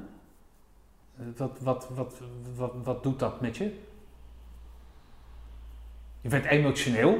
Nou, dat past precies, want dat heb je verteld, dat je dat, dat, je, dat, je dat kan zijn. ja. Nou, ik, ik, ja, ik, ik heb het als een, als, een, eh, als, als een heel mooi afscheid eh, ervaren. En het is, eh, zoals ik, al- zoals ik net al zei, het, is, elk mens gedijt denk ik het beste als, als die op momenten hoort dat, het, dat hij er mag zijn en dat het goed is wat hij doet. En dat, dat je bevestigd wordt in, in, in, in, het werk wat je doet of de, de, of de rol die je hebt. En dat gebeurde op mijn afscheid ook. En dat doet dat dan wel goed. En ik, uiteindelijk ben ik daarna nog met, met, met, met een aantal mensen die me zeer aan het hart gaan, buiten de kazerne nog even een borreltje wezen drinken en een hapje wezen eten. En, eh, oh, en ook Sis vond het, eh, ja, mooi. Ja. Ja. Bijzonder. Maar het grappige of het mooie, hè, als ik het mooi mag vinden, dat, dat spreek ik in je uit. Ik weet dat je daar een hekel aan hebt. Ja, dat mag, hoor. Verdomme, ik Dat ken mag. pas een paar uur. Maar Dat mag hoor. Je, maar je, mag, je mag het mooi is dat de vervolmaking eigenlijk is van jouw carrière, of dat, zo vat ik dat op, dat je dan teruggevraagd wordt, wederom teruggevraagd wordt door het korps, om daar toch weer wat te betekenen, ook al ben je afgezwaaid. Ja. Ja, teruggevraagd. Maar ook wel door iemand die teruggevraagd wilde worden. Ja, weet Dus- ik. Maar dus- natuurlijk, dat zal best, maar je, je wordt toch teruggevraagd. Ja. Voor de tweede keer, dames. Ja, wordt voor de tweede keer teruggevraagd. Nee, maar Ja. nu, toch, dat is toch, natuurlijk wil je dat. En natuurlijk heb je aangegeven, als er een grens is, nou, dan, word ik, dan ga ik wel op de markt staan en eh, ga ik kroegen verbouwen en eh, ik weet het allemaal niet. Maar toch vragen ze terug. ja. Kan je vertellen wat, wat, wat je nu doet? Op dit moment ondersteun ik de officiersopleiding. Dat is een nieuwe opleiding. Die heet, de formele benaming is de vaktechnische opleiding officieren SOF, Special Operations Forces. En dat is een pilot, dus een nieuwe opleiding, die volgens het nieuwe opleiden invulling wint. Oké. En wat doe jij daar dan precies? Nou, zoals ik al zeg, ik doe die opleidingsondersteuning. Ik probeer- Hoe ziet dat eruit? Kom je in pak of eh, Nee, nee ja, ja, in mijn burgerpak kom ik. Oké. Ik, ik, ik, kom in mijn, ik, ik kom in mijn burgerpak en eh, ik reflecteer met die leerlingen. Ik probeer in sommige gevallen qua organisatie probeer ik voorwaarden scheppend te zijn. Dus als er iets georganiseerd moet worden en, en daar is een, dat, de, de cursusleiding moet daarin iets betekenen, dan probeer ik dat te doen. Ik probeer er voor de kerels te zijn, ik probeer er voor de cursusleider te zijn. Eh, Oké, maar het zijn puur officieren die jij dan begeleidt, hè? ja, Begint dat ook al bijvoorbeeld in die ECO dan? Dat die officieren die daar dan Nee, rond... Niet? nee, nee, nee. Pas als ze de groene bret hebben gehaald? Dit waren mensen die eh, al de groene bret al hadden, die uit een operationele compie kwamen. Ja. Die zijn van daaruit naar de KMA gegaan. En direct naar de KMA zijn die teruggekeerd bij het KST om daar de, de opleiding, vaktechnische opleiding officieren SOF te volgen. Oké. Oh, dat wordt op het korps verzorgd? Ja, en dat is nieuw. Ja, ja, oké. Dat is de eerste keer dat het gebeurt. Oké. En dat, eh, en dat probeer ik te doen. Maar is dat meer op een informele manier tips geven of, of levelen of je, je, je, je, je ervaringen delen of Nou, dat- vragen? Gaat het, bestaat het veel uit vragen? Nou goed, zij, zij, eh, z- z- de, de, de, de leerlingen in dit geval zetten de, zelf hun, die kiezen zelf een, een, een weg om die opleiding te vervolgen. En daar liggen een aantal taken in weggelegd. En ze kiezen zelf de manier, hoe ga ik die taken vervullen, waar doe ik dat, wie laat ik mij begeleiden, enzovoort, enzovoort. En al- als al die taken vervuld zijn, Oh, jullie zijn niet meer aan het podcasten. Jawel joh. Oh. Nee, dat maakt niet uit. Het is Siske. We hadden het er nog niet over gehad, maar Bert heeft een vrouw. nee, wel, we hadden het wel. Had hij gezegd hoor. Ja. Ehm, nou goed, op die manier die kiezen dus hun eigen opleidingsweg. Mijn belangrijkste taak is daarop te reflecteren. Waarom kies je dat? En ik zie dat je een verslag geschreven hebt, maar ik mis daar iets in. Of ik vind dat, nou, dat heel goed dat je dat gedaan hebt. Het ziet er prima uit. Dus ik ben er met name om hun te reflecteren, omdat ze zelf verantwoordelijk zijn voor hun opleiding. En dus als zij zeggen, ik wil eh, kijken in, eh, weet ik veel, Frankrijk. Ja, dan doe ik dat. Dan zeg jij van, nou ja, waarom wil je naar Frankrijk? Wat denk je daar op te doen? Ja. Eh, wat, wat wil je daar gaan leren? En dan, zeg ik, dan onderbouwen zij dat. En Ja. dan zeg jij, oké, klap erop. Ja, Begeleid ze je tussendoor. Komt er een, een Ja. verslag. En dan ga je Ja. reflecteren van, goh, jij zei in het begin dat je dat wilde leren. Heb je dat opgedaan? ja. Oké, mooie functie. En, maar ja, soms, eh, soms eh, is het initiatief tot reflectie komt bij mij vandaan. En soms komt het bij hun, van hunzelf vandaan. Maar jij doet dat dus kennelijk zo goed, want je schijnt ongevraagd een contractverlenging eh, gekregen te hebben.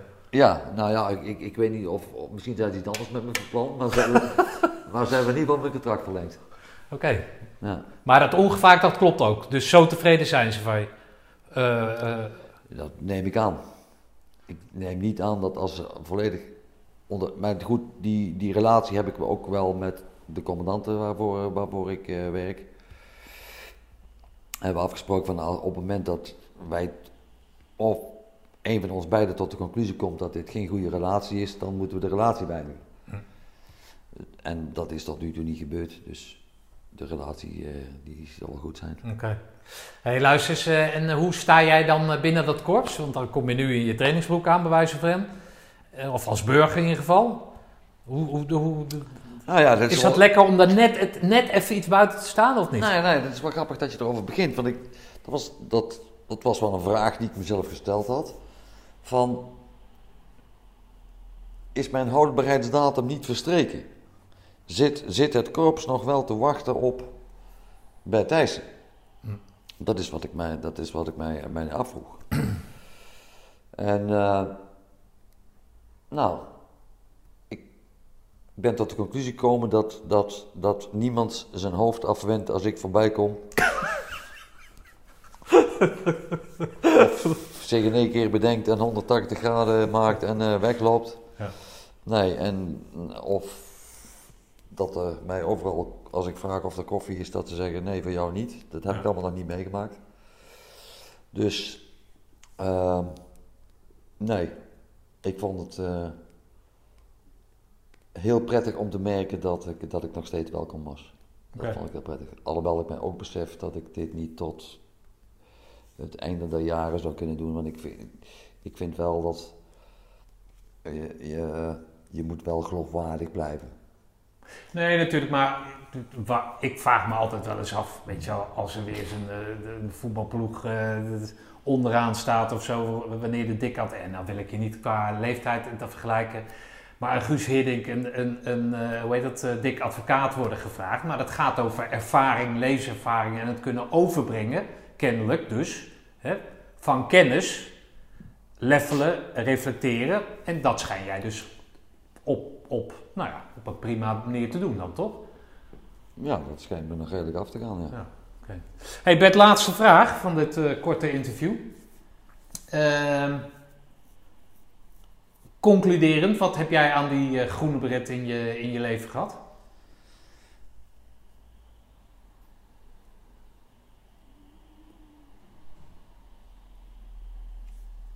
Ja, dat is een goede vraag zeg. Wat heb ik daaraan gehad? Ik geloof niet dat ik er al ooit bij stilgestaan heb bij die vraag. Wat ik daaraan gehad heb. Die groene bret, het behalen van die groene bret heeft er in ieder geval wel voor gezorgd dat ik in een omgeving terechtgekomen ben waar ik waar ik me thuis gevoeld heb.